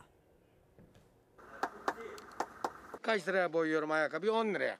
O botu 15 liraya. Müşteriden para e, söylediğimiz zaman çok usta bu kadar olur mu falan diyor. %15 çok benim maaşıma %6 zam e, koyacakmış. %15 elektriğe, suya bilmem nereye zam koyuyor. Olacak şey değil ya. %15 zam yapacak mısınız ayakkabı tamirat fiyatına? Yo, biz fazla bir zam alamıyoruz ki müşteri çok diyor, pahalı diyor. İlaç devamlı artırıyor her ay. O, bu lastik malzemeleri, köseleydi, lastikti. E, Devamlı zamla alıyoruz.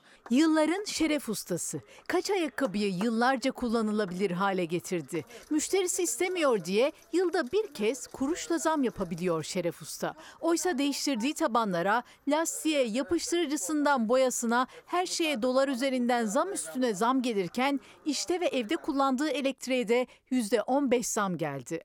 Böylece son 3,5 yılda elektriğe yapılan zam %122'ye ulaşmış oldu. Zamlar en çok da tam da açılıp belini doğrultma umudu taşıyan esnafı sarstı. Fatura 3 sene önce ortalama 60-80 arası geliyordu. Şimdi 200-220 geliyor. Peki sizin geliriniz bu kadar arttı mı? Geliri artmadı. İşte doların artışı bizim gelirimizin düş- düşmesi anlamı eşittir bu. Siz ürünlerinize bu kadar zam yapacak mısınız? Bu elektrik Yapma şansımız yok ki. neden? Çünkü e, yaparsan satamazsın. Yok nereden yapacağız? A- Aynı fiyatlara devam edeceğiz bu senenin sonuna kadar. Esnaf müşterisini kaybetmemek için zam yapmaya çekiniyor. Zaten zor bir dönemden çıktı. 1 Haziran itibariyle açılmaya başladı kademeli olarak. Bu zamlar nereye kadar ne olacak? Açılmanın haberinde iyi oldu ama işlerimiz gene düştü yani. Eski randımanı yok. Elektrik faturam benim iki fatura geçen da geçen hafta elektriğim kesildi. Ödedim 500 lira. iki fatura. Altı nüfuslu bir vatandaşım ben. Esnaf açıldı ama işler eskisi kadar açık değil. Özellikle küçük esnaf için. Sadece elektrik değil, doğalgaza %12 zam geldi. Yazın gelen doğalgaz zammını tüketici kışın daha fazla hissedecek. Her gün zam olur mu yani? Çok yüksek bir zam geldi gerçekten elektriğe. Zam deyince tüylerimiz diken diken oluyor. Kim zamdan hoşlanır kızım? Aldığımız emekli maaşı. Emeklinin, memurun, çalışanın aldığı maaş zamları çoktan elektrik, doğalgaz ve akaryakıt zamlarının altında kaldı bile. Tüketici Koruma Derneği zamların geri alınmasını istedi. Alınmazsa dava açacaklar. Biz tüketiciler için diyoruz ki yeter bıktık. Derhal hukuki yollara başvuracağımızda e, dün belirttik. Bunu çıkartmak için e, siz de zam yapıyorsunuz. Bu sefer ne yapıyor? İşleriniz bu sefer aşağı doğru düşmeye başlıyor yani. İleri doğru e, şeyi göremiyoruz, ışığı göremiyoruz ne olacak, ne bitecek diye. Yakında Kurban Bayramı var ve yardımlaşmaktır bayramlar aynı zamanda bizim kültürümüzde. Sözcü gazetesinden bu yardımlaşma hikayesinin başka bir boyutunu takip edeceğiz. Yalanın belgesi. Esenler Belediye Başkanı Tevfik Gö- Göksu'nun uyanıklığı tutmadı. Başkan Göksu kötülemek istediği İBB'yi kurbanda et dağıtım izni üzerinden yalancılıkla suçlamaya kalktı. Ancak kendisinin yalan söylediği ortaya çıktı. İşte belgelerini yayınladı Sözcü gazetesi. Ekrem İmamoğlu aslında bir tweetle duyurdu bu meseleyi. Olay neydi? İstanbul Belediyesi'ne ait İstanbul Vakfı bayramda 132 bin ihtiyaç sahibi aileye birer kiloluk et dağıtmak istedi. Valiliğe izin yazısı belgesi gönderdi. Ancak İBB'nin düzenlemek istediği bağış kampanyasına bu yıl izin çıkmadı sevgili izleyiciler öncelikle. İBB Başkanı Ekrem İmamoğlu da bu duruma isyan etti sosyal medyada. Tabii ki olayın devamı var. Tepki üzerine geri adım atıldı ve Soylu aslında Süleyman Soylu, İçişleri Bakanımız Süleyman Soylu da özellikle gündemlerin göbeğindeki Süleyman Soylu da bu konu üzerinden bir açıklama yaptı. Haberin detaylarını bizim haberimizden takip ediyoruz. İhtiyaç sahibi 132.050 ailenin evine bir kilo kavurma girmesine gönlü razı olmayan, onların bayramda yüzlerinin gülmesini istemeyen bir kişi var. O da İçişleri Bakanı. Dünyadaki bütün kötülüklerin sahibi benim.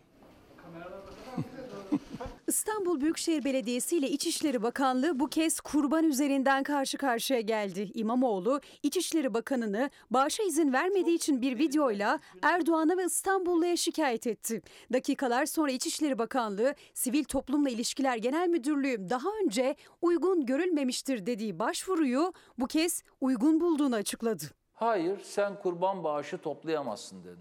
Hiçbir gerekçe yok. Geçen yıl izin verilen vakfın kusuru yok. Davası yok. Cezası yok. Ne var? Sadece bir kişinin kişisel itirazı var. Ne yazık ki kini mi var? Öfkesi mi var?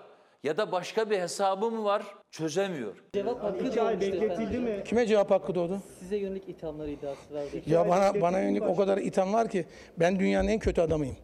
Hadi görüşürüz. Geçen Kurban Bayramı'nda İBB'ye bağlı İstanbul Vakfı 132 bin aileye bağışlar üzerinden kurban eti dağıttı kavurma olarak. Hem ihtiyaç sahiplerinin hem de bağış yapmak isteyenlerin talebi üzerine bu yıl da aynı uygulama için 27 Nisan'da izin başvurusunda bulunuldu. İki ayın sonunda İBB'nin yardım toplama yeterliliğine sahip olmadığı, kampanyanın başarıya ulaşıp ulaşmayacağının belli olmaması gerekçe gösterilerek uygun görülmedi. 132 bin 50 aileye bu kötülüğü yapıyorsunuz. İnanın devletimizin pek çok kıymetli ve değerli yöneticisi de bizim gibi düşündüğünü biliyorum. Bir kişi hariç. O da İçişleri Bakanı.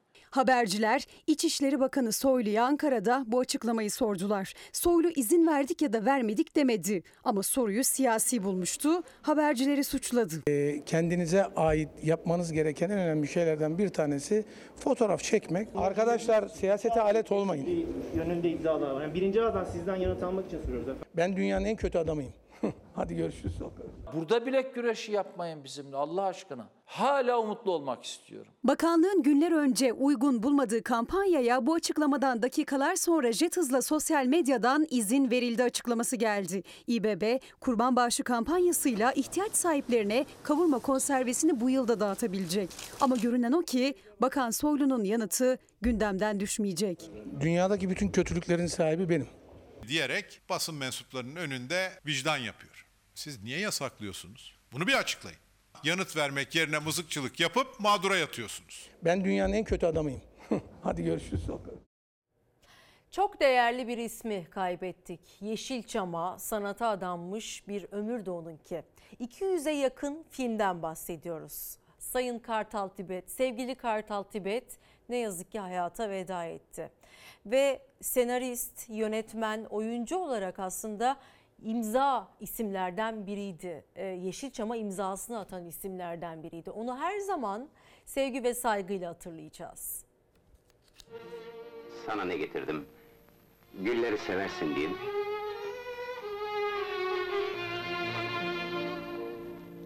Türk sinemasının bir yıldızı daha aramızdan ayrıldı. Yeşilçam'ın usta ismi Kartal Tibet 83 yaşında hayata veda etti. Sen nasılsın? Bizi yendin diye övünme.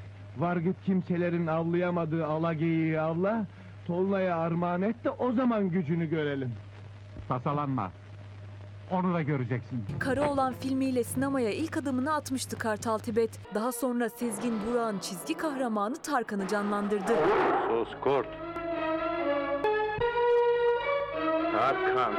Tarkan. Tarkan. Aslında herkes onu kamera önünde canlandırdığı karakterlerle oyunculuğuyla tanıdı. Ama o Türk sineması için çok daha fazlasını yaptı. Birçok ses getiren filmin yönetmenlik koltuğundaydı Kartal Tibet. Aziz Nesin'in romanından uyarlanan Zübük filmi de onlardan biriydi. Kasabamıza yabancı sermaye akacak. Bunu avukat Burhan gibiler durduramaz. Nurlu ufuklar bizi bekliyor. Yönetmenliğe ilk adımını Tosun Paşa filmiyle atmıştı. 56 filmin yönetmenliğini yaptı. Söylediklerimi anladın değil mi? Çok iyi anladım. Sen salaksın anlamazsın. Bak bir kere daha tekrar ediyorum. Laver Bey'in köşküne gider gitmez Leyla Hanım'ı bana isteyeceksin. Tamam biliyorum. Oynadığı, yönettiği ve senaryosunu yazdığı 200'e yakın filmle Türk sinemasına büyük katkı sağladı. Hem salgın hem de sanatçının kendi arzusu üzerine özel bir tören yapılmayacak. Türk sinemasının usta ismi yarın Zincirlikuyu mezarlığında son yolculuğuna uğurlanacak. Benimle evlenmek ister misin? Hadi bir gayret et gülüm.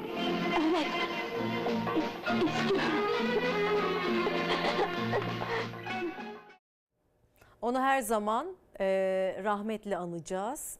Hakikaten Yeşilçam e, değerlerinin hepimizin hayatında çok ama çok önemi var. Çok büyük önemi var. Kaç nesil onlarla büyüdü ve büyümeye de devam edecek. Geçtiğimiz hafta tabii biz Çalar Saat'te e, özellikle kulaklarınızın pasını sildiğimiz şarkıların e, geri planında klip olarak e, Yeşilçam'da e, izlemiş olduğumuz sahneleri kullanıyoruz. Çünkü onların e, ekranda görmek bana mutluluk veriyor açıkçası kendi adıma.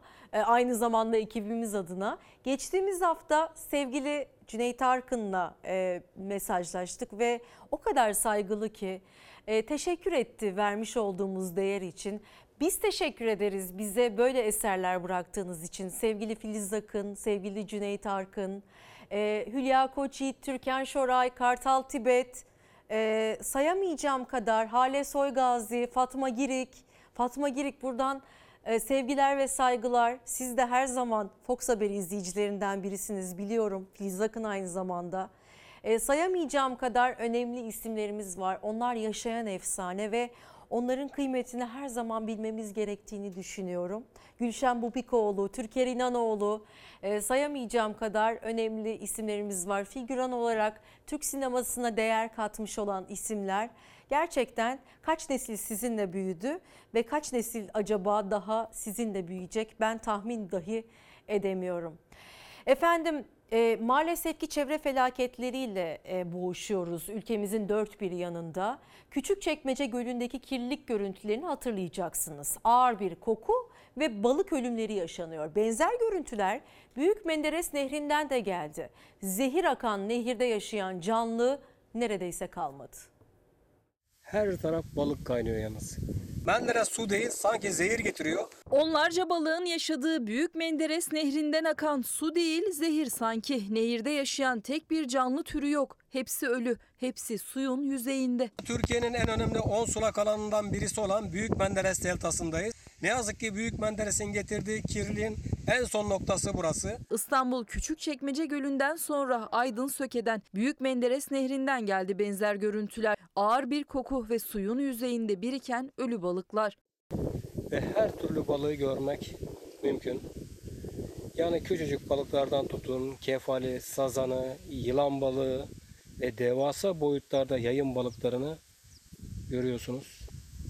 Maalesef hepsi ölmüş. Balıkları öldüren kirli su. Tarım ve Orman Müdürlüğü ekipleri Büyük Menderes Nehri'nde inceleme başlattı. O sudan ve balıklardan numune alındı. Yıllardır bu sorun devam ediyor.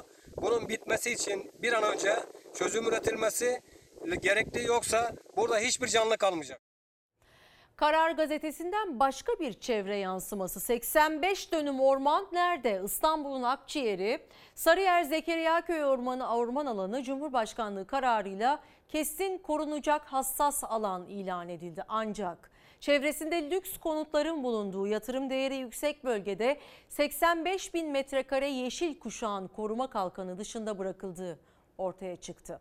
Ormanla bütünlük oluşturan hattaki keskin e, kesik hamlesi yeni havuzlu villalara zemin oluşturuluyor endişesini doğurdu, beraberinde getirdi. Milyon dolarlık villaların bulunduğu Zekeriya Köy'de koruma alanı dışında bırakılan orman uzantısı alanlar uydu, e, uydu görüntülerine yansıdı sevgili izleyiciler. İşte ormanın ve yeşilin gittikçe azaldığı ve bunun beraberinde çevre felaketlerinin de yatsınamaz bir gerçek olduğunu reddeden sınırlı ülkelerden biriyiz galiba.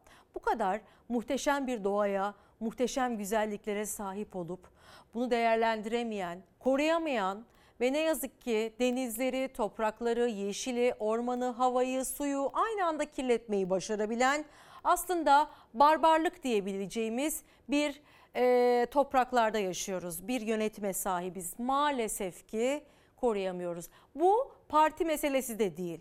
Bu yüzyıllardan beri böyle olmuş. Gittikçe daha fazla kötüye gitmişiz. Gittikçe daha az değer bilmişiz. Ranta maruz bırakmışız. Betona yatırım yapmışız. Çağın gerisindeki yatırımlarla devam etmişiz yolumuza ve olanlar oluyor işte bununla birlikte. Müsilaj görüyoruz. Ormanlarımızın yok olduğunu görüyoruz. Balıklarımızın öldüğünü görüyoruz. Belki 10 yıl sonra, 20 yıl sonra elimizde balık da denizde kalmayacak. Bu ülkeye her zaman e, e, şunu söylerdi e, Süreyya Özmez denizlerimizin uzmanı. Benden söylemesi programında takip ediyorsanız mutlaka denk gelmişsinizdir. Denizcilik ve Balıkçılık Bakanlığı gerekiyor diye. Üç tarafı denizlerle kaplı bir ülkede bunun olması gerekiyordu ama bununla ilgili de bir hazırlık var. Birazdan sizlerle paylaşacağım. Bunun dışında tabii ki e, toprakta çalışmak zorunda olanlar da var. Her şeye rağmen toprağına dört elle sarılmak zorunda olanlar var ve o, o insanlarımız hiçbir şey kazanamasa dahi topraklara sarılmak zorunda. Türkiye salgın nedeniyle okulların bir açılıp bir kapandığı eğitim öğretim dönemini daha geride bıraktı. Ve milyonlarca öğrenci koronavirüs sebebiyle uzak kaldı okullarından. Ama öyle çocuklar var ki virüs olmasa da sınıflara giremiyor. Çünkü onlar da tarlada ve ekmek peşinde koşuyorlar. İşte hem ekonomiyi yansıtan hem de topraklarımızı yansıtan bir Nazlı Yere Basmaz haberi. Lacım. Kaça geçtin? Bu sene dörtte gideceğim. Karneni aldın mı? Hayır. Ne zaman alacaksın? Bilmiyorum ki hala belli değil. Veysel kaç yaşında? 8. Okula başladı mı? Yok hayır başlamadı. Bu sene başlayacaktı yazdırmadık işte. Buradan geldik. Daha 5 ay buradayız daha. Veysel 3. sınıfa geçmesi gerekirken daha okuma yazma öğrenememiş. Salgın çıkınca okula kaydı ertelendi. Babası, abisi, ablaları tarlada. Kendi de kardeşleri ve annesiyle duvarları sazlıklardan, damı muşambadan evinde. O mevsimlik işçi olarak geçinen bir ailenin çocuğu. Urfalı Ela, Mardinli Özlem, 8 yıl önce Suriye'den göçen Tara gibi. Abla sabah 5'te arabaya biniyoruz evden çıkıyoruz bağlardan. Oradan işte buraya geliyoruz. Saat 6'da da işi başlıyoruz. Biber sıkıntılı ya biraz. Neden? Güzel değil. Güneş insanın başına vuruyor. Yorulmuşsun çok belli yüzünden. Hmm, Değil mi? Kaç yaşındasın? 14. 14 yaşındasın. Okula gidiyor musun? Gidiyorum 8. sınıf. 8'desin. Hı. Sınava girdin mi? Girmedim. Neden? Ailem kabul etmiyor. Nasıl? Lise sınavına girmedin mi? Girmedim. Ben girmek istiyorum ama ailem kabul etmiyor. Benim en büyük hayalim okumakta. Bilmiyorum. Diyorlar senden hiçbir halt çıkmaz. Olur mu öyle şey? Ben de diyorum. da Onlar kabul etmiyor. Bodur biber dalları arkasında gizlenen küçük kız çocukları var. Bu da bir Türkiye gerçeği. Eğitim süresince çalışmak için tarladaydılar. Çünkü para kazanmak zorundalar. İhtiyaçlarımız var, kira var, elektrik var, su öyle işte. Onları şu andan düşünüyorsun. 16 yaşında bunları düşünüyor musun? Düşünüyoruz tabii abla. Urfa'da olsak e, bu Urfa'da mesela bir hafta iki hafta internetten sınavları şey okula giriyorduk. Ama buraya geldik ne internet var ne de bir şey var. Okul varken e, sadece sınavlar olduğu için sınavlara gittim. Bir daha da zaten olmadı. Derslere? Derslere hayır katılmadım. Eğitimin son haftasında da gidemedi birçoğu okula. Telafi eğitimini düşünecek durumları bile yok. Geçim koşulları nedeniyle içlerinde bulundukları durum onların eğitim hayatında belki de telafisi mümkün olmayacak yaralar açıyor. Milyonlarca öğrenci salgın nedeniyle okul koridorlarından uzak kaldı ama onlar zaten yılın 6 ayı uzakta. Her sene zaten bu, bu iki senedir korona var. Kaç senedir hep geliyoruz. Hep sınıfta kalıyorlar zaten. Korona olmadığı için de. Kalıyorlar yani. Ondan dedi ister gelin ister gelmeyin. Sen de tarlaya geldin. Evet ben bazen de gidiyordum. Ben derslerime bakmak istiyorum. Ayaktan durmak bir insan çok güçlü bir insan olmak istiyorum ben. Okumayanlar çok pişman. Buralarda olduğu için tabii. Ben de e, yani tüm gücümle e, yani geleceğimi kurmaya çalışıyorum. Daha iyi biri olmaya çalışıyorum. Hayırseven insan olmak istiyorum. Çocuklarla çocuk olalım, büyüklerle büyük olalım. Böyle. Şimdi Meksika'ya gidiyoruz. İnanılmaz görüntüler var Meksika'dan.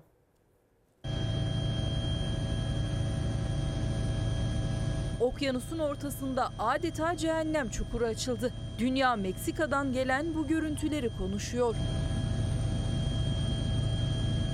Meksika'da devlet petrol şirketine ait denizin 78 metre derinliğindeki bir sualtı boru hattında meydana gelen patlama nedeniyle yangın çıktı. Yangın yaklaşık 15 saattir kontrol altına alınmaya çalışılıyor. Yangın söndürme çalışmaları 3 söndürme gemisi tarafından yürütülüyor. En büyük korku yangının yaklaşık 400 metre yakınında bulunan Kusiyera platformuna sıçraması. Patlamada ölen ya da yaralanan olmadı. Okyanus ortasında oluşan devasa ateş topuna sosyal medyada ateş gözü ismi verildi. Yeşilçam'ın en değerli isimlerinden biri Kemal Sunal'ın da bugün ölüm yıl dönümü. Onu da her zaman saygı ve sevgiyle, rahmetle anacağız. Bize hala güldürmeyi, düşündürmeyi başarabiliyor. İnanılmaz ım, sanatçılarımızdan biri ve birkaç nesil daha, kim bilir kaç nesil daha onunla büyüyecek. Hepsi bu kadar mı kurban? Evet. Benimki niye ötekilerden eskik? Onlar sendikalı. Ben de Haranlı ya. Patron da sendikalı herhal. Hemşerisini koruyun. Yandı ha yandı. Yandı ha yandı.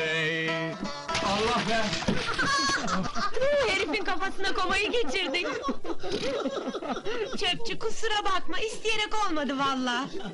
Yok canım estağfurullah. Bir kalıp da sabun olsa ne güzel yıkanırdı.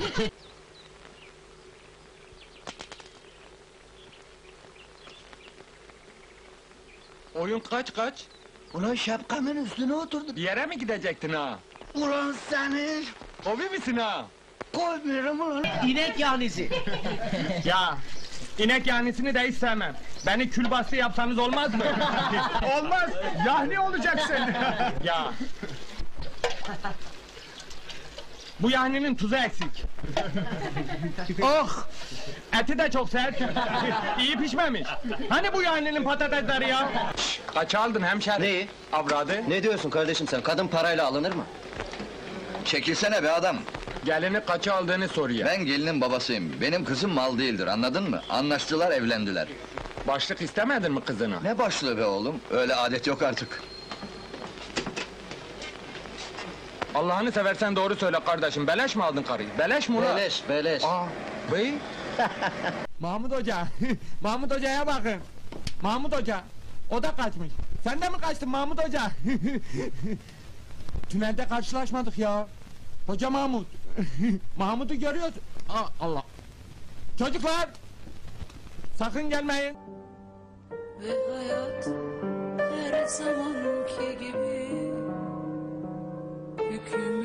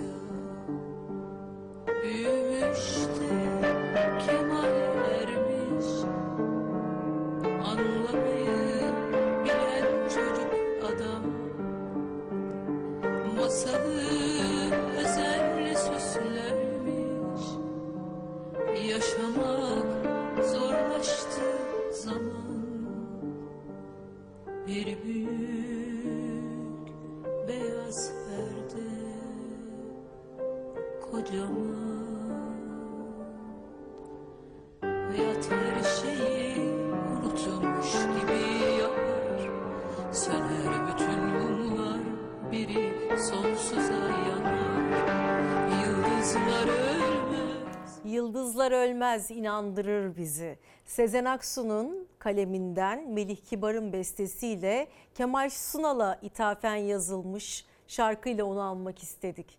Efendim şimdi bir reklam arası veriyoruz ve dönüşte tekrar birlikteyiz. Çalar Saat hafta sonu devam ediyor efendim. Hava kapalıydı bugün İstanbul'da ve meteorolojiden de uyarılar vardı. Edirne'yi sel götürdü. Trakya bölgesinde yoğun yağış var. Anadolu yakasında yağış başladı. Tabii ki Temmuz'un başındayız. Yaz mevsimdeyiz ama tabii e, küresel ısınmanın ve iklim değişikliğinin etkilerini görüyoruz. Bizim manzaramızla buluşturalım hemen sizleri. Burası İstanbul Kazlıçeşme, Zeytinburnu Kazlıçeşme sahil. Hava serin. E, eğer dışarı çıkacaksanız tedbirli olmayı, şemsiyenizi almayı unutmayın.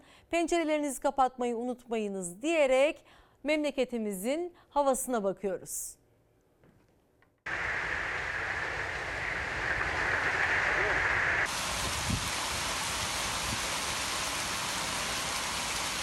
Trenden indik. Daha iner inmez hava karardı böyle bulutlandı. Yağmurla karışık dolu. Biz de anlayamadık ne olduğunu. İçinde oldu. 10 dakikanın içinde. Her şey dakikalar içinde oldu. Çatılar uçtu, ağaçlar devrildi, yollar göle döndü. Yurdun kuzeybatısından giriş yapan yağmur Edirne'de sel oldu. Kaldık suyun içinde. Sonra? Ara, aracın içinde su bile doldu yani. Evimizde mahsur kaldık. Canımızı zor kurtardık ya. Edirne, Tekirdağ ve Kırklareli'de dün başladı yağmur. Sıcaklık az da olsa düşecek. Yağmur tüm şiddetiyle yağacak. Sonra da hafta sonuna yayılacaktı. Ancak tahmin edilenden daha şiddetliydi yağmur. Fırtına ve dolu da eklenince şiddetine yollar dakikalar içinde göl oldu. Araçlar trafikte ilerlemekte güçlük çekti. Su dolan dükkanına giren esnaf ziyan da olsa mallarını kurtarmaya çalıştı. Sel akşam saatlerinde çekildi yollardan ancak fırtına dinmedi. Ağaçlar araçların üzerine devrildi. Çatılar uçtu, yollara savruldu. Arabalı trenin üzerine ağacın devrilmesi büyük korku yaşattı. O vagonu görüyor musunuz? O ileride vagon var. Onun üzerine düştü. Tipi oldu burada. O tipi de çatıları martaları yıktı getirdi buraya. Tokat'ta 37 dereceye yükselen hava sıcaklığı nedeniyle Tokat Almus Karayolu Gümenek mevkiinde asfalt eridi. Yoldan karşıdan karşıya geçiyordum. Ee, bu asfalt zift elim ayağıma yapıştı. Allah'tan araba gelmiyordu. Asfaltın eridiği Tokat ve kuzeyindeki illerle yurdun batısı ve Doğu Anadolu'nun kuzeydoğusunda hava yağmurlu bugün. Sıcaklık yağış alan illerde 4 ila 8 derece düşecek. Bolu, Düzce, Karabük, Kastamonu, Zonguldak, Bartın, Sinop ve Çorum'da yağmur şiddetli. Çankırı, Eskişehir, Kütahya, Ankara ve Afyonkarahisar'da da durum benzer olacak. Yağmur yarın da devam edecek. Sonra yurdun batısını kısa süreliğine terk edecek. Ancak yeni haftanın ortasında yeniden geri gelecek.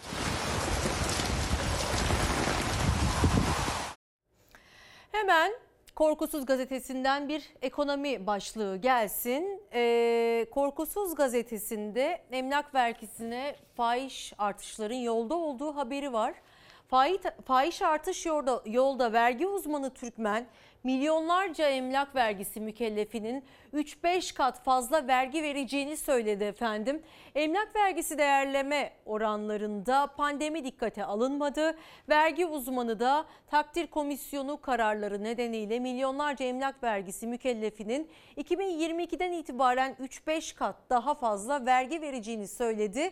Vergi değerlerinin %100'den %350'ye ulaşan oranda fahiş olarak belirlendiğini gösteren örnekler olduğunu belirtti ve iktidar salgın nedeniyle afaki değerlendirmelerin önüne geçmeli dedi.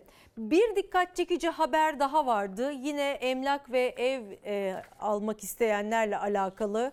Ee, onu da birazdan sizlerle paylaşmadan önce Yeni Asya gazetesi gelsin. Yeni Asya gazetesinde de aslında e, enflasyon oranlarının ne kadar önemli olduğunu emekliler ve memur emek memurlar için ne kadar önemli olduğunu vurgulayan bir detay göreceksiniz. Çünkü herkes enflasyon oranlarını bekliyor, e, maaşlara yapılacak zam oranlarını bekliyor. Tabii başka bir gazetede de bunun ortalamasını göreceğiz. Tam bir şark kurnazlığı başlığıyla Yeni Asya gazetesi bizi karşılarken e, zamları görüyoruz ama hemen yan tarafta bu zamlar enflasyonu %19'a çıkaracak. Mayıs'ta %16,59 olan resmi enflasyonun son zam dalgasıyla birlikte daha da yükselmesi bekleniyor. Ee, tabii enflasyon oranları vatandaşın belini bükmüş durumda. Bu zamlardan sonra Temmuz-Ağustos gibi enflasyonun %19'u geçme ihtimali yükseldi.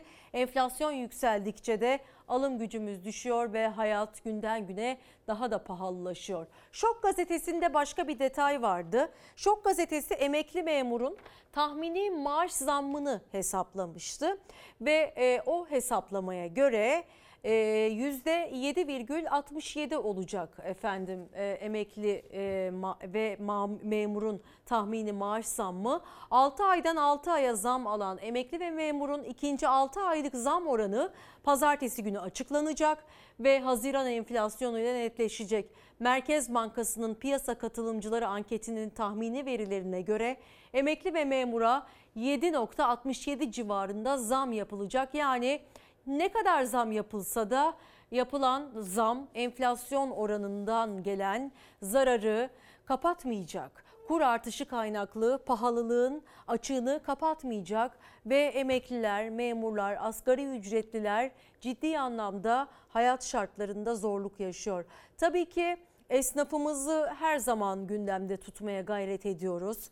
Ee, her meslek dalı kendine göre çok etkilendi. Pandemi süreciyle birlikte karşılıksız olarak ödenmesi gereken sosyal devletin gerekliliği olan e, bir ödeme alamadılar ve çoğu esnafımızın e, borçlandı. Borcu borçla kapatmaya da devam ediyor. Aylardır iş yerlerini açamadılar ve ona rağmen vergi borçlarını, stopajlarını, KDV'lerini, kiralarını ödemek zorunda kaldılar. Bu hafta başta da söylemiştim. Bodrum'daydım ve Türkbükü'nde özellikle e, piyasanın en hareketli olduğu bu dönemlerde Bodrum'un en önemli semtlerinden biri olan Türkbükü'nde esnafın özellikle bir ricası vardı. Turizm işletmecilerinin bir ricası vardı. Faizsiz kredi istiyor onlar ya da çekmiş oldukları kredilerin faizlerinin silinmesini istiyorlar. Bunu da tekrar söyleyeyim üzerimde kalmasın efendim. Normalleşmenin etkisiyle en hızlı hareketlenme turizmde oluyor aslında. Cuma günü itibariyle kendini tatil beldelerine atmak isteyenler özellikle de Bodrum'un yolunu tutanların karşılaştığı engel trafik yoğunluğu oldu. Aman dikkat esnaf için turizmciler için sevindirici bir gelişme ama pandemi için endişe verici.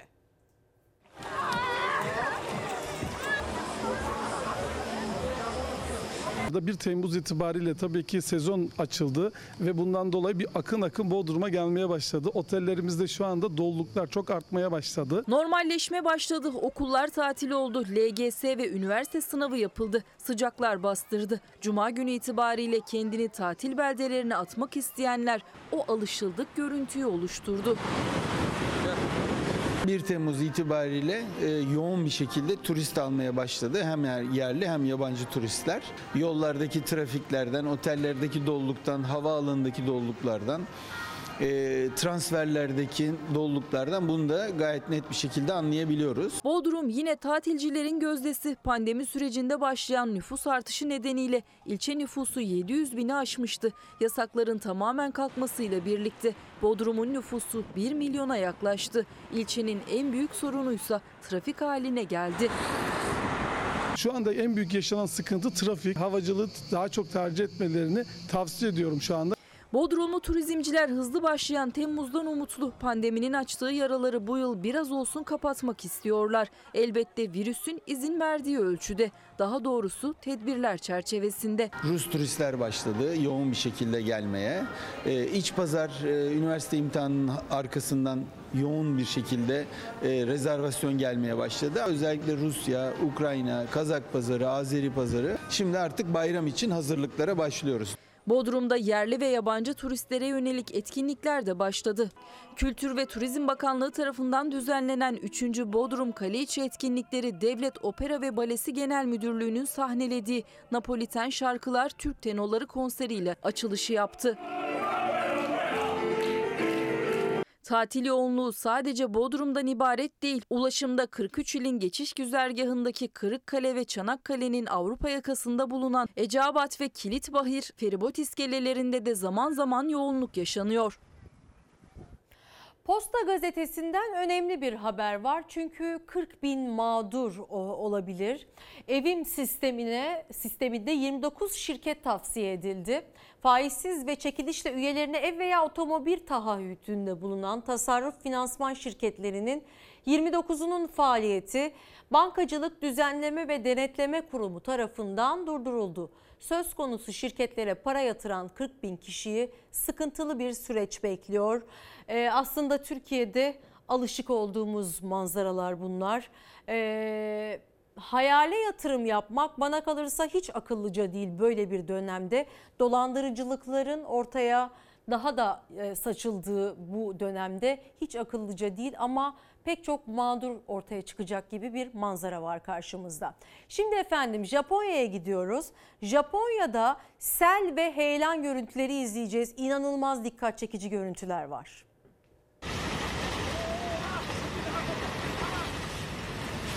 Selle birlikte gelen heyelan evleri, arabaları böyle aldı götürdü. Dehşete düşüren o anlarda 20 kişi kayboldu. Japonya'da etkili olan şiddetli yağmur 3 eyalette sele neden oldu. Engebeli bir araziye kurulu olan bölgede sel beraberinde heyelanı getirdi.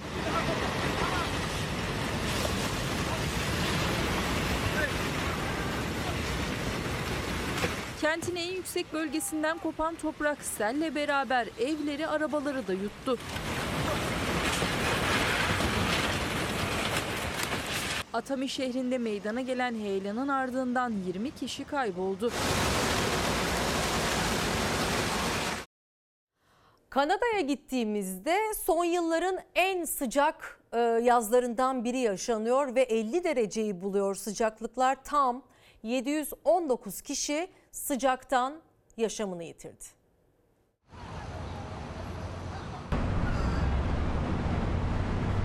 Sıcaklık 50 dereceyi bulmuştu Haziran ayının sonunda. Şu günlerde 47 derece ve havada sıcak hava dalgasını görmek mümkün. Kanada'da aşırı sıcaklar nedeniyle hayatını kaybedenlerin sayısı 719'a ulaştı.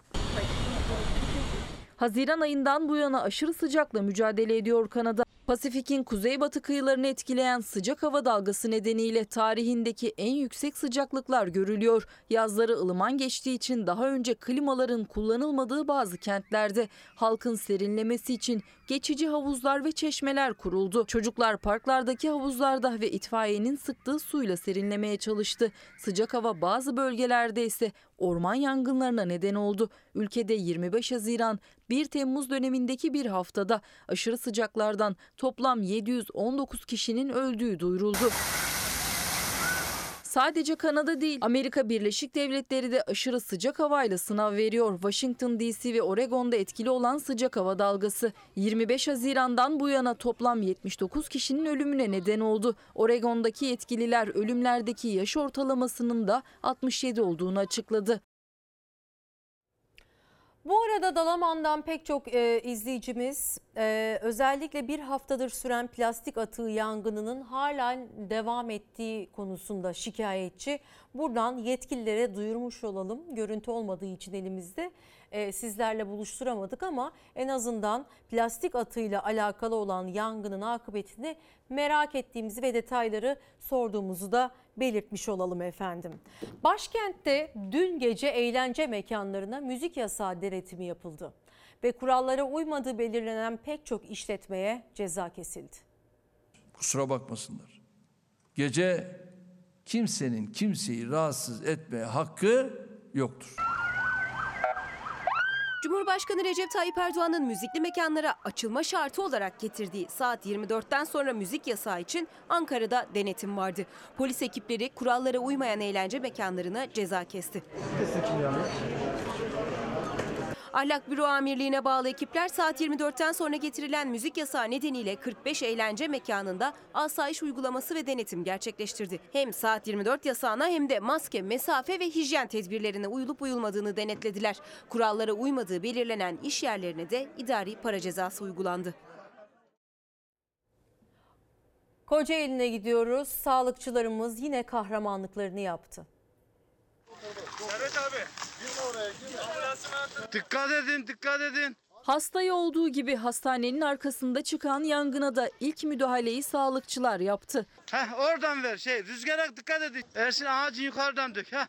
Kocaeli Dilovası Devlet Hastanesi'nin arkasındaki ormanlık alanda yangın çıktı. Yeşil alandaki ağaçlar yanıyordu. Anında müdahaleyle daha büyük bir felaketin önüne geçilebilirdi. Alevleri gören sağlık çalışanları yangın tüpüyle yangının olduğu alana koştu. Emin bak şurada var, şurada Emin. Heh. Yangın sağlık çalışanlarının ilk müdahalesiyle kontrol altına alındı. Hastaların, yaralıların hayatını kurtaran sağlıkçılar bu davranışlarıyla ilk müdahalenin önemini bir kez daha göstermiş oldu. İtfaiye gelsin soğutmasını yapsın ya. Delta varyantı dünyayı tehdit etmeye devam ederken bizde de dünyada olduğu gibi aşı trafiği devam ediyor. Üçüncü doz konusunda özellikle uzmanların yeni açıklamaları var. Hatırlatma dozu olarak biliyoruz bunu ve bu sabah itibariyle bir haber paylaşmıştık. Üçüncü doz aşınızı olmuş olduğunuz aşıdan farklı bir aşıyla gerçekleştirebilirsiniz. Ama önemli olan e, toplumun hızlı şekilde aşılanması ve sonbahara bağışıklıkla girebilmek. Tabii ki delta varyantı hepimizi ürkütüyor. Tam işler yoluna giriyor derken bu kez de virüsün başka bir boyutuyla karşı karşıyayız. Ama panik yok. Önlemlerimize devam ediyoruz. Özellikle koronavirüs bitmiş gibi yapmıyoruz. Maskemizi, mesafe kurallarımızı da hiçe saymıyoruz efendim. Aşılama çalışmaları hızla devam ediyor. İnşallah yakında kendi aşımızı da devreye alıyoruz. Artık 18 yaşın üzerindeki herkese aşı yapabilecek kapasiteye ulaştık. her ferdi en az bir doz aşı olmuş bir ülke olarak Kurban Bayramı'na girmek istiyoruz. O zaman bu Kurban Bayramı bu hastalığı hayatımızdan silen bir bayram olacaktır. Derin nefes alın. İlk doz mu? İlk doz. İlk doz mu olacaksınız? Yok, üçüncü. Şubat, Mart, e, Sinovac. Şimdi Biontech olacağım. Pandemiden bizi çıkarmaya sağlayacak şey, tekrar özgürlüğümüze kavuşturacak şey iki doz aşıyı tamamlamak. İki doz aşı tamamlandığında vakalar artsa bile hastaneye yatış ve ölümlerin ne kadar az olabildiğini yani e, makul hale getirilebildiğini sürecin gösteriyor. Bu bakımdan iki doz aşılamanın tamamlanması çok önemli. Salgından çıkışın anahtarı aşılama. Yaş grupları, meslek grupları hızla aşılanıyor. Toplamda aşı sayısı 50 milyonu geçti. Hastaneler yoğun. Sırası gelenler aşılarına olmak için hastanelerin aşı uygulama noktalarına geliyor. İlk doz aşısını olmaya gelen de var. İkinci doz aşısını tamamlamak için gelen de. Şimdi bir de üçüncü doz aşılar var. İki kez Sinovac aşısı olan sağlık çalışanları ve 50 yaş üstündekiler de üçüncü doz aşılarının haklarını kazandılar ve o aşıyı olabilmek için de hastanelerde sıralarını bekliyorlar. Aşı ile ilgili hala çekinceleri olanları ise koronavirüse yakalananlar uyardı. Bence aşı Covid'den daha korkutucu değil. Aşı olmamız gerekiyor. Covid'i geçirmiş biri olarak diyorum. Çünkü o kadar ağır e, geçirmediğim halde çok acı çektim. Biz ilk aşımızda olacağız çünkü Covid geçirdik. Nasıldı o süreç, Covid süreci? Ağrılar, sızılar, halsizlik, nefeste zorluk. Maalesef kayınvalidem vardı, onu kurtaramadık. Güvendiğimiz için geldik. İnşallah bitireceğiz bu Covid'i. Üçüncü doz. Üçüncü doz. Aha, öğren sağlık çalışanı olduğum için. İlk iki doz Sinovac'tı. Sinovac Üçüncü oldum. doz. Biontech oldum şimdi. Neden Biontech tercih Ee, neden Biontech'i tercih ettim? Delta varyantına karşı daha etkili olduğu için açıkçası Biontech oldum. Canını seven olsun. İki kez Covid geçiren, gözlerine emboli atan bir sağlık çalışanı 37 yaşındaki Sinan Koç. Üçüncü doz hakkı açılır açılmaz aşısını olmaya geldi. Covid'i ben iki defa geçirdim. İlki çok ağır geçti. İlkinden sonra da ben aşı olmaya çok karşıydım. İkinciden sonra sıkıntı olunca mecbur olmak zorunda kaldım. Bunu atlatmak için herkesin muhakkak aşı olması gerekiyor. Hastalığı kapmanızı yüzde otuz önlüyor tek dozu, iki dozu yüzde doksan önlüyor. Hasta olmanızı kaptıktan sonra hasta olmanızı tek dozu yüzde doksan önlüyor. Özellikle Rusya, İngiltere ve İsrail'de vaka sayıları her geçen gün delta varyantıyla yükselmeye devam ediyor. İsrail'de yeni vakaların %90'ında delta varyantı tespit edildi. İngiltere'de ise nüfusun %65'i tek doz aşılanmıştı. Şubattan bu yana en yüksek vaka sayısı görüldü. Avrupa'da da hastalığın yeniden yayılmasının nedeni aşılamanın çok yavaş olması. Hiç aşılanmasını doğru düzgün tamamlamayan Rusya gibi ülkelerde ise salgın tekrar bizi Nisan'daki pik gibi bir duruma götürüyor. Delta kaplamaya başlayınca vakalar artmaya başladı. Cumhuriyet gazetesinden hekimler sussun başlığını görüyoruz. Aile hekimlerinin sosyal medya paylaşımı yapması, demeç vermesi yasaklanıyor. Aylardan beri aslında en önemli haber kaynağımızı sağlayan ve hepimizi bilgilendiren e, bu görevi üstlenen aile hekimliklerine bir yazı gitti efendim. Cumhurbaşkanı Erdoğan'ın imzaladığı aile hekimliği sözleşme ve ödeme yönetmeliğine göre sosyal medya paylaşımı yapan hekime 50 ceza puanı kesilecek. Basına 3 kez izinsiz konuşan işsiz bırakılacak. Aile hekimlikleri yönetemeyenler gerçekler bilinmesin istiyor. Dava açacağız, eylemler yapacağız dedi. Aslında Onlar ödül beklerken şimdi de yeni yasaklarla gölgeleniyorlar. aile hekimliği çalışanlarına siz basına çıkmayacaksınız artık diye bir dayatma söz konusu. İş akdinizin feshedilmemesi için galiba bu son bağlantımız olacak öyle mi? Evet öyle görünüyor Gamze Hanım. Ee, Pandemi sürecinde ve daha öncesinde de sizlerle birçok kez e, röportaj yaptık. Ee, oluşacak sorunlar ya da oluşan sorunlarla ilgili hızlı çözümler alabilmek adına bunu ülke gündemine taşımak ve e, dediğim gibi sorunların hem çözülmesi hem de halkın bilgilendirilmesi amacıyla birçok röportaj yaptık. Ama artık 1 Temmuz itibariyle aile hekimleri Sağlık Bakanlığı'nın izni olmadan basına ya da sosyal medyaya demeç verirse işinden olacak. Üstelik hiçbir hakta talep edemeyecek. Tek bir açıklama 50 ceza puanı demek. Yani biz e, bu konuşmayı sizinle yarın yapıyor olsaydık 50 puan ceza mı alacaktınız? Evet 50 ceza puanı alacaktık ve aynı konuşmayı bir gün sonra bir daha yapsaydık üstüne 100 ceza puanı alacaktım 150 ceza puanı ve e, herhangi bir şekilde bunu sosyal medyada ya da bir basında herhangi bir yerde yayınlarsam kendim bir 200 ceza puanı daha alacaktım.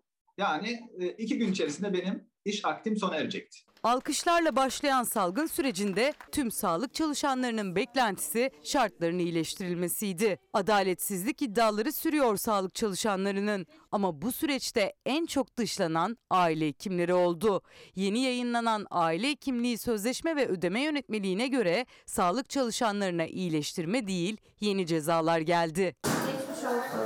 50 maddelik işten çıkarma gerekçesine eklenen bir madde çok dikkat çekici. Eğer aile hekimliğine bağlı bir sağlıkçı izinsiz olarak habercilere veya sosyal medya aracılığıyla bilgi veya demeç verirse cezası büyük. Alkollü işe gelmiş, yanlış rapor uygulamış ya da sahte rapor düzenlemiş gibi cezalandırılacak. Bakanlığımız o kadar çok rahatsız olmuş ki demek ki bu durumdan. Yani bizim e, dediğiniz gibi puan cetvelindeki en yüksek yani göreve sarhoş gelmek, gerçeğe aykırı belge düzenlemek. Yani bunlar cezai ağır cezada yargılanması gereken cezalarken e, aynı kefeye konmuş. Yani bir sağlık çalışanının sorunlarını dile getirmesi, çıkıp yani ve doğru şeyleri söylemesi bu kadar rahatsızlık vermiş ve 50 ceza puanı öngörülmüş. Ve ikinci yaptığı zaman iki katı ceza puanı veriliyor. Cumhurbaşkanlığı imzalı yönetmelikle aile sağlığı merkezi çalışanları sorunlarını artık dile getiremeyecek. Hem yazılı hem görsel basında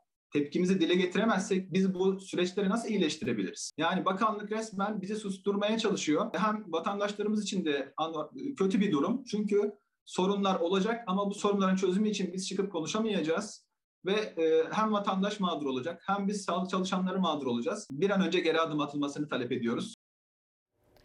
Salgında en büyük sıkıntıyı çeken kesimlerden biri de esnaf. Aylarca kapalı kaldı dükkanlar. Esnafsa ayakta kalabilmek için kredi çekti. Çekilen kredinin faizi ise belleri daha da büküyor. Esnafın derdini bankalar da doğruluyor aslında. Alıyoruz, 5'e satalım diye uğraşıyoruz, 3'e olmuyor, olmuyor. Bitik abi, bitik, ekonomi bitik. Sadece 4 yılda, son 2 yılda da pandeminin etkisiyle arttı krediye sarılan esnaf sayısı. 4 yılda 720 bin kişi daha eklendi borçlu listesine. 1 milyon 168 bin esnaf kredi borçlusu. Hem de bu sadece bir bankaya ait veriler.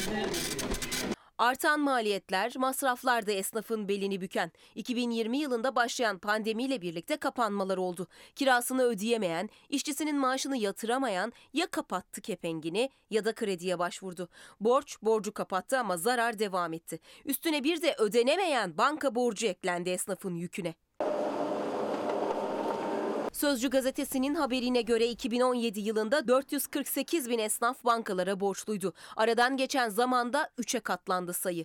Bugün 1 milyondan fazla esnaf ekmek teknesini kaybetmemek için bankalara borçlu. Çekilen krediler ayı kurtarsa da artmayan gelir karşısında o da yük oldu esnafın omuzlarına.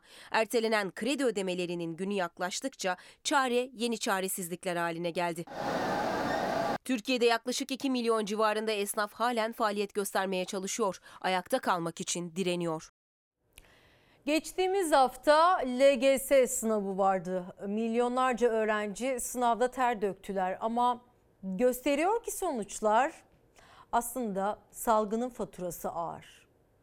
Başarılar daim olsun. Bu hızla devam edin. İnşallah çok çok güzel ileri geleceksin. İnşallah. Uzaktan eğitim sonrası sınavlarda başarı oranı ne olacak? En çok merak edilen sorulardan biriydi. Uzun bir maratonun ardından sınav sonuçlarını öğrenen öğrenciler büyük heyecan yaşadı. 2021 LGS'de 36 ilden 97 öğrenci tam puan, 180 bin öğrenci 0 puan aldı.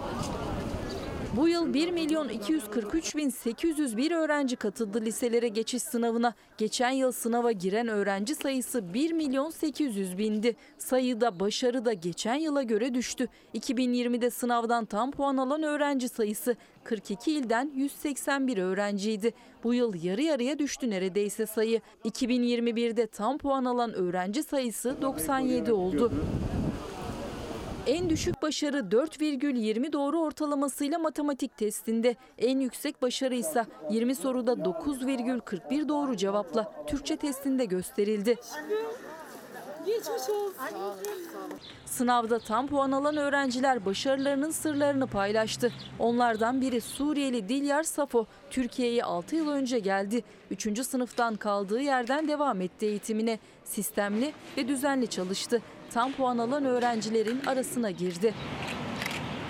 Elazığlı Sare Yıldız ve Konyalı Mehmet Özer'de planlı ve programlı çalıştım dedi. Van'ın gururu Hakan Şakar günde 6 saat ders çalıştı. Çorumlu Aleyna Yüksel ders çalışırken yapamadığım soruları pas geçmedim, sordum, öğrendim dedi. Samsunlu Dost Seferoğlu dikkati arttırmak için satranç oynamayı tavsiye etti. Muhammed Fatih ise bol bol kitap okudu. Hepsinin çalışma tarzı farklı ama hedefleri aynıydı. O hedefe doğru azimle ve kararlılıkla yürüdüler ve emeklerinin karşılığını Türkiye birinciliğiyle aldılar.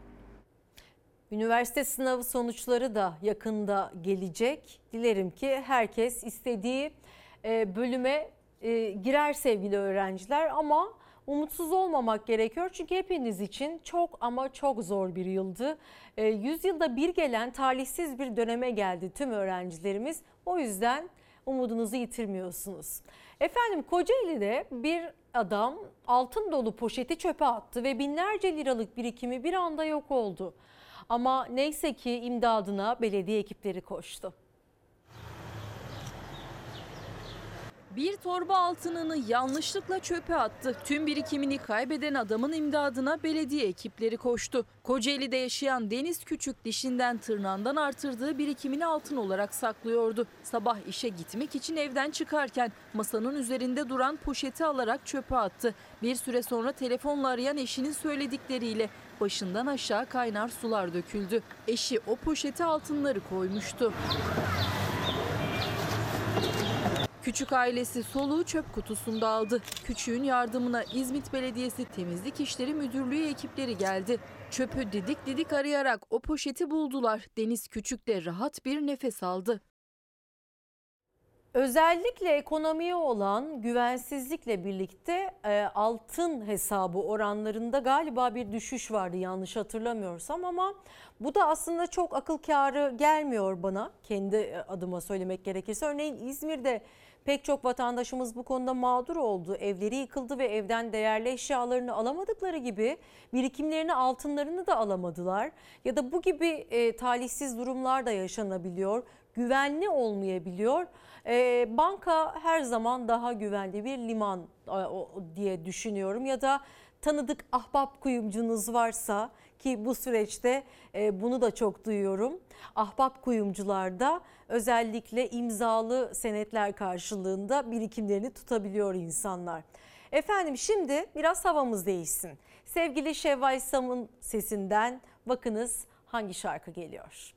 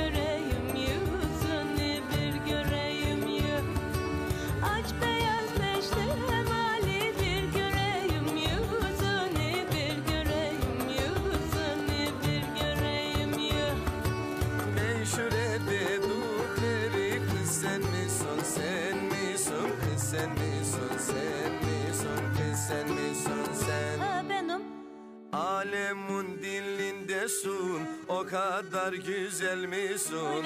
Eydum fındık talini gel teşhir et teşhure Adını bilmeyirum adın olsun meşhure. Fındık toplamak için eydum fındık talini. Ben acırım acırım meşhurenin halini. Bize gölge değil fındığın yaprakları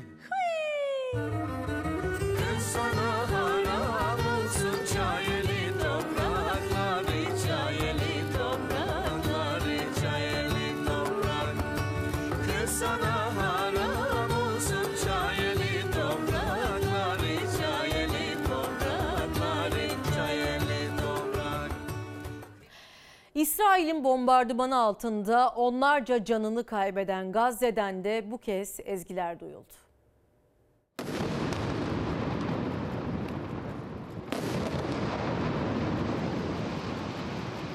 Gazze'de bomba ve silah seslerinin yerini ezgiler aldı. Yaşanan yıkımın ve acının sembolü El Şuruk Kulesi'nin enkazında Filistinli müzik grubu Madda Halk Kamar konser verdi.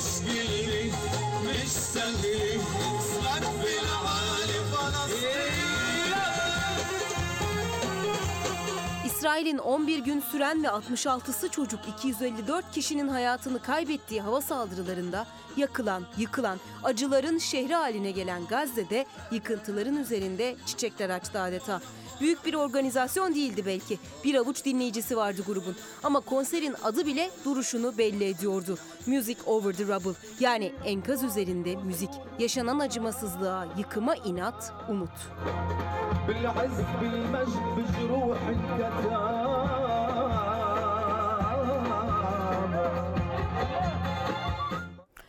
Bu arada bir sıcak gelişme. E, Tosuncuk isimli Çiftlik Bank'ın kurucusu olan ve binlerce insanı, vatandaşımızı dolandıran Tosuncuk Mehmet Aydın Türkiye'ye getiriliyor. Dün gece e, Sao Paulo'daki e, Türkiye Başkonsolosluğu'nda geçirdi gecesini ve e, burada karşılandı ihtiyaçları. Bütün e, mağdur ailelere de duyurulur. Dileriz ki mağduriyetleri en kısa sürede giderilsin. Efendim iki kitap önerelim o zaman. Ee, güzelliğin mimarlarından evde bakımlı kal. Özellikle evde bakıma e, ağırlık verdik tabii ki pandemi sürecinde. Kadınlar için kolay değildi. Kendim de bunun içindeyim, bu gruba dahilim.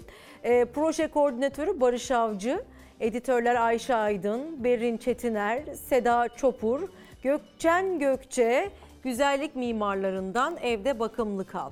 Burada doğal malzemelerle cildimize nasıl bakabileceğimizi gösteren güzel tarifler var. Önerilir. Efendim şimdi bir reklam arası. Yepyeni bir güne başladık. Dilerim ki devamında her şey gönlünüzce olsun. Ve tabii ki ülkemiz bize güzel haberler getirsin. Yarın sabah tekrar görüşmek dileğiyle efendim.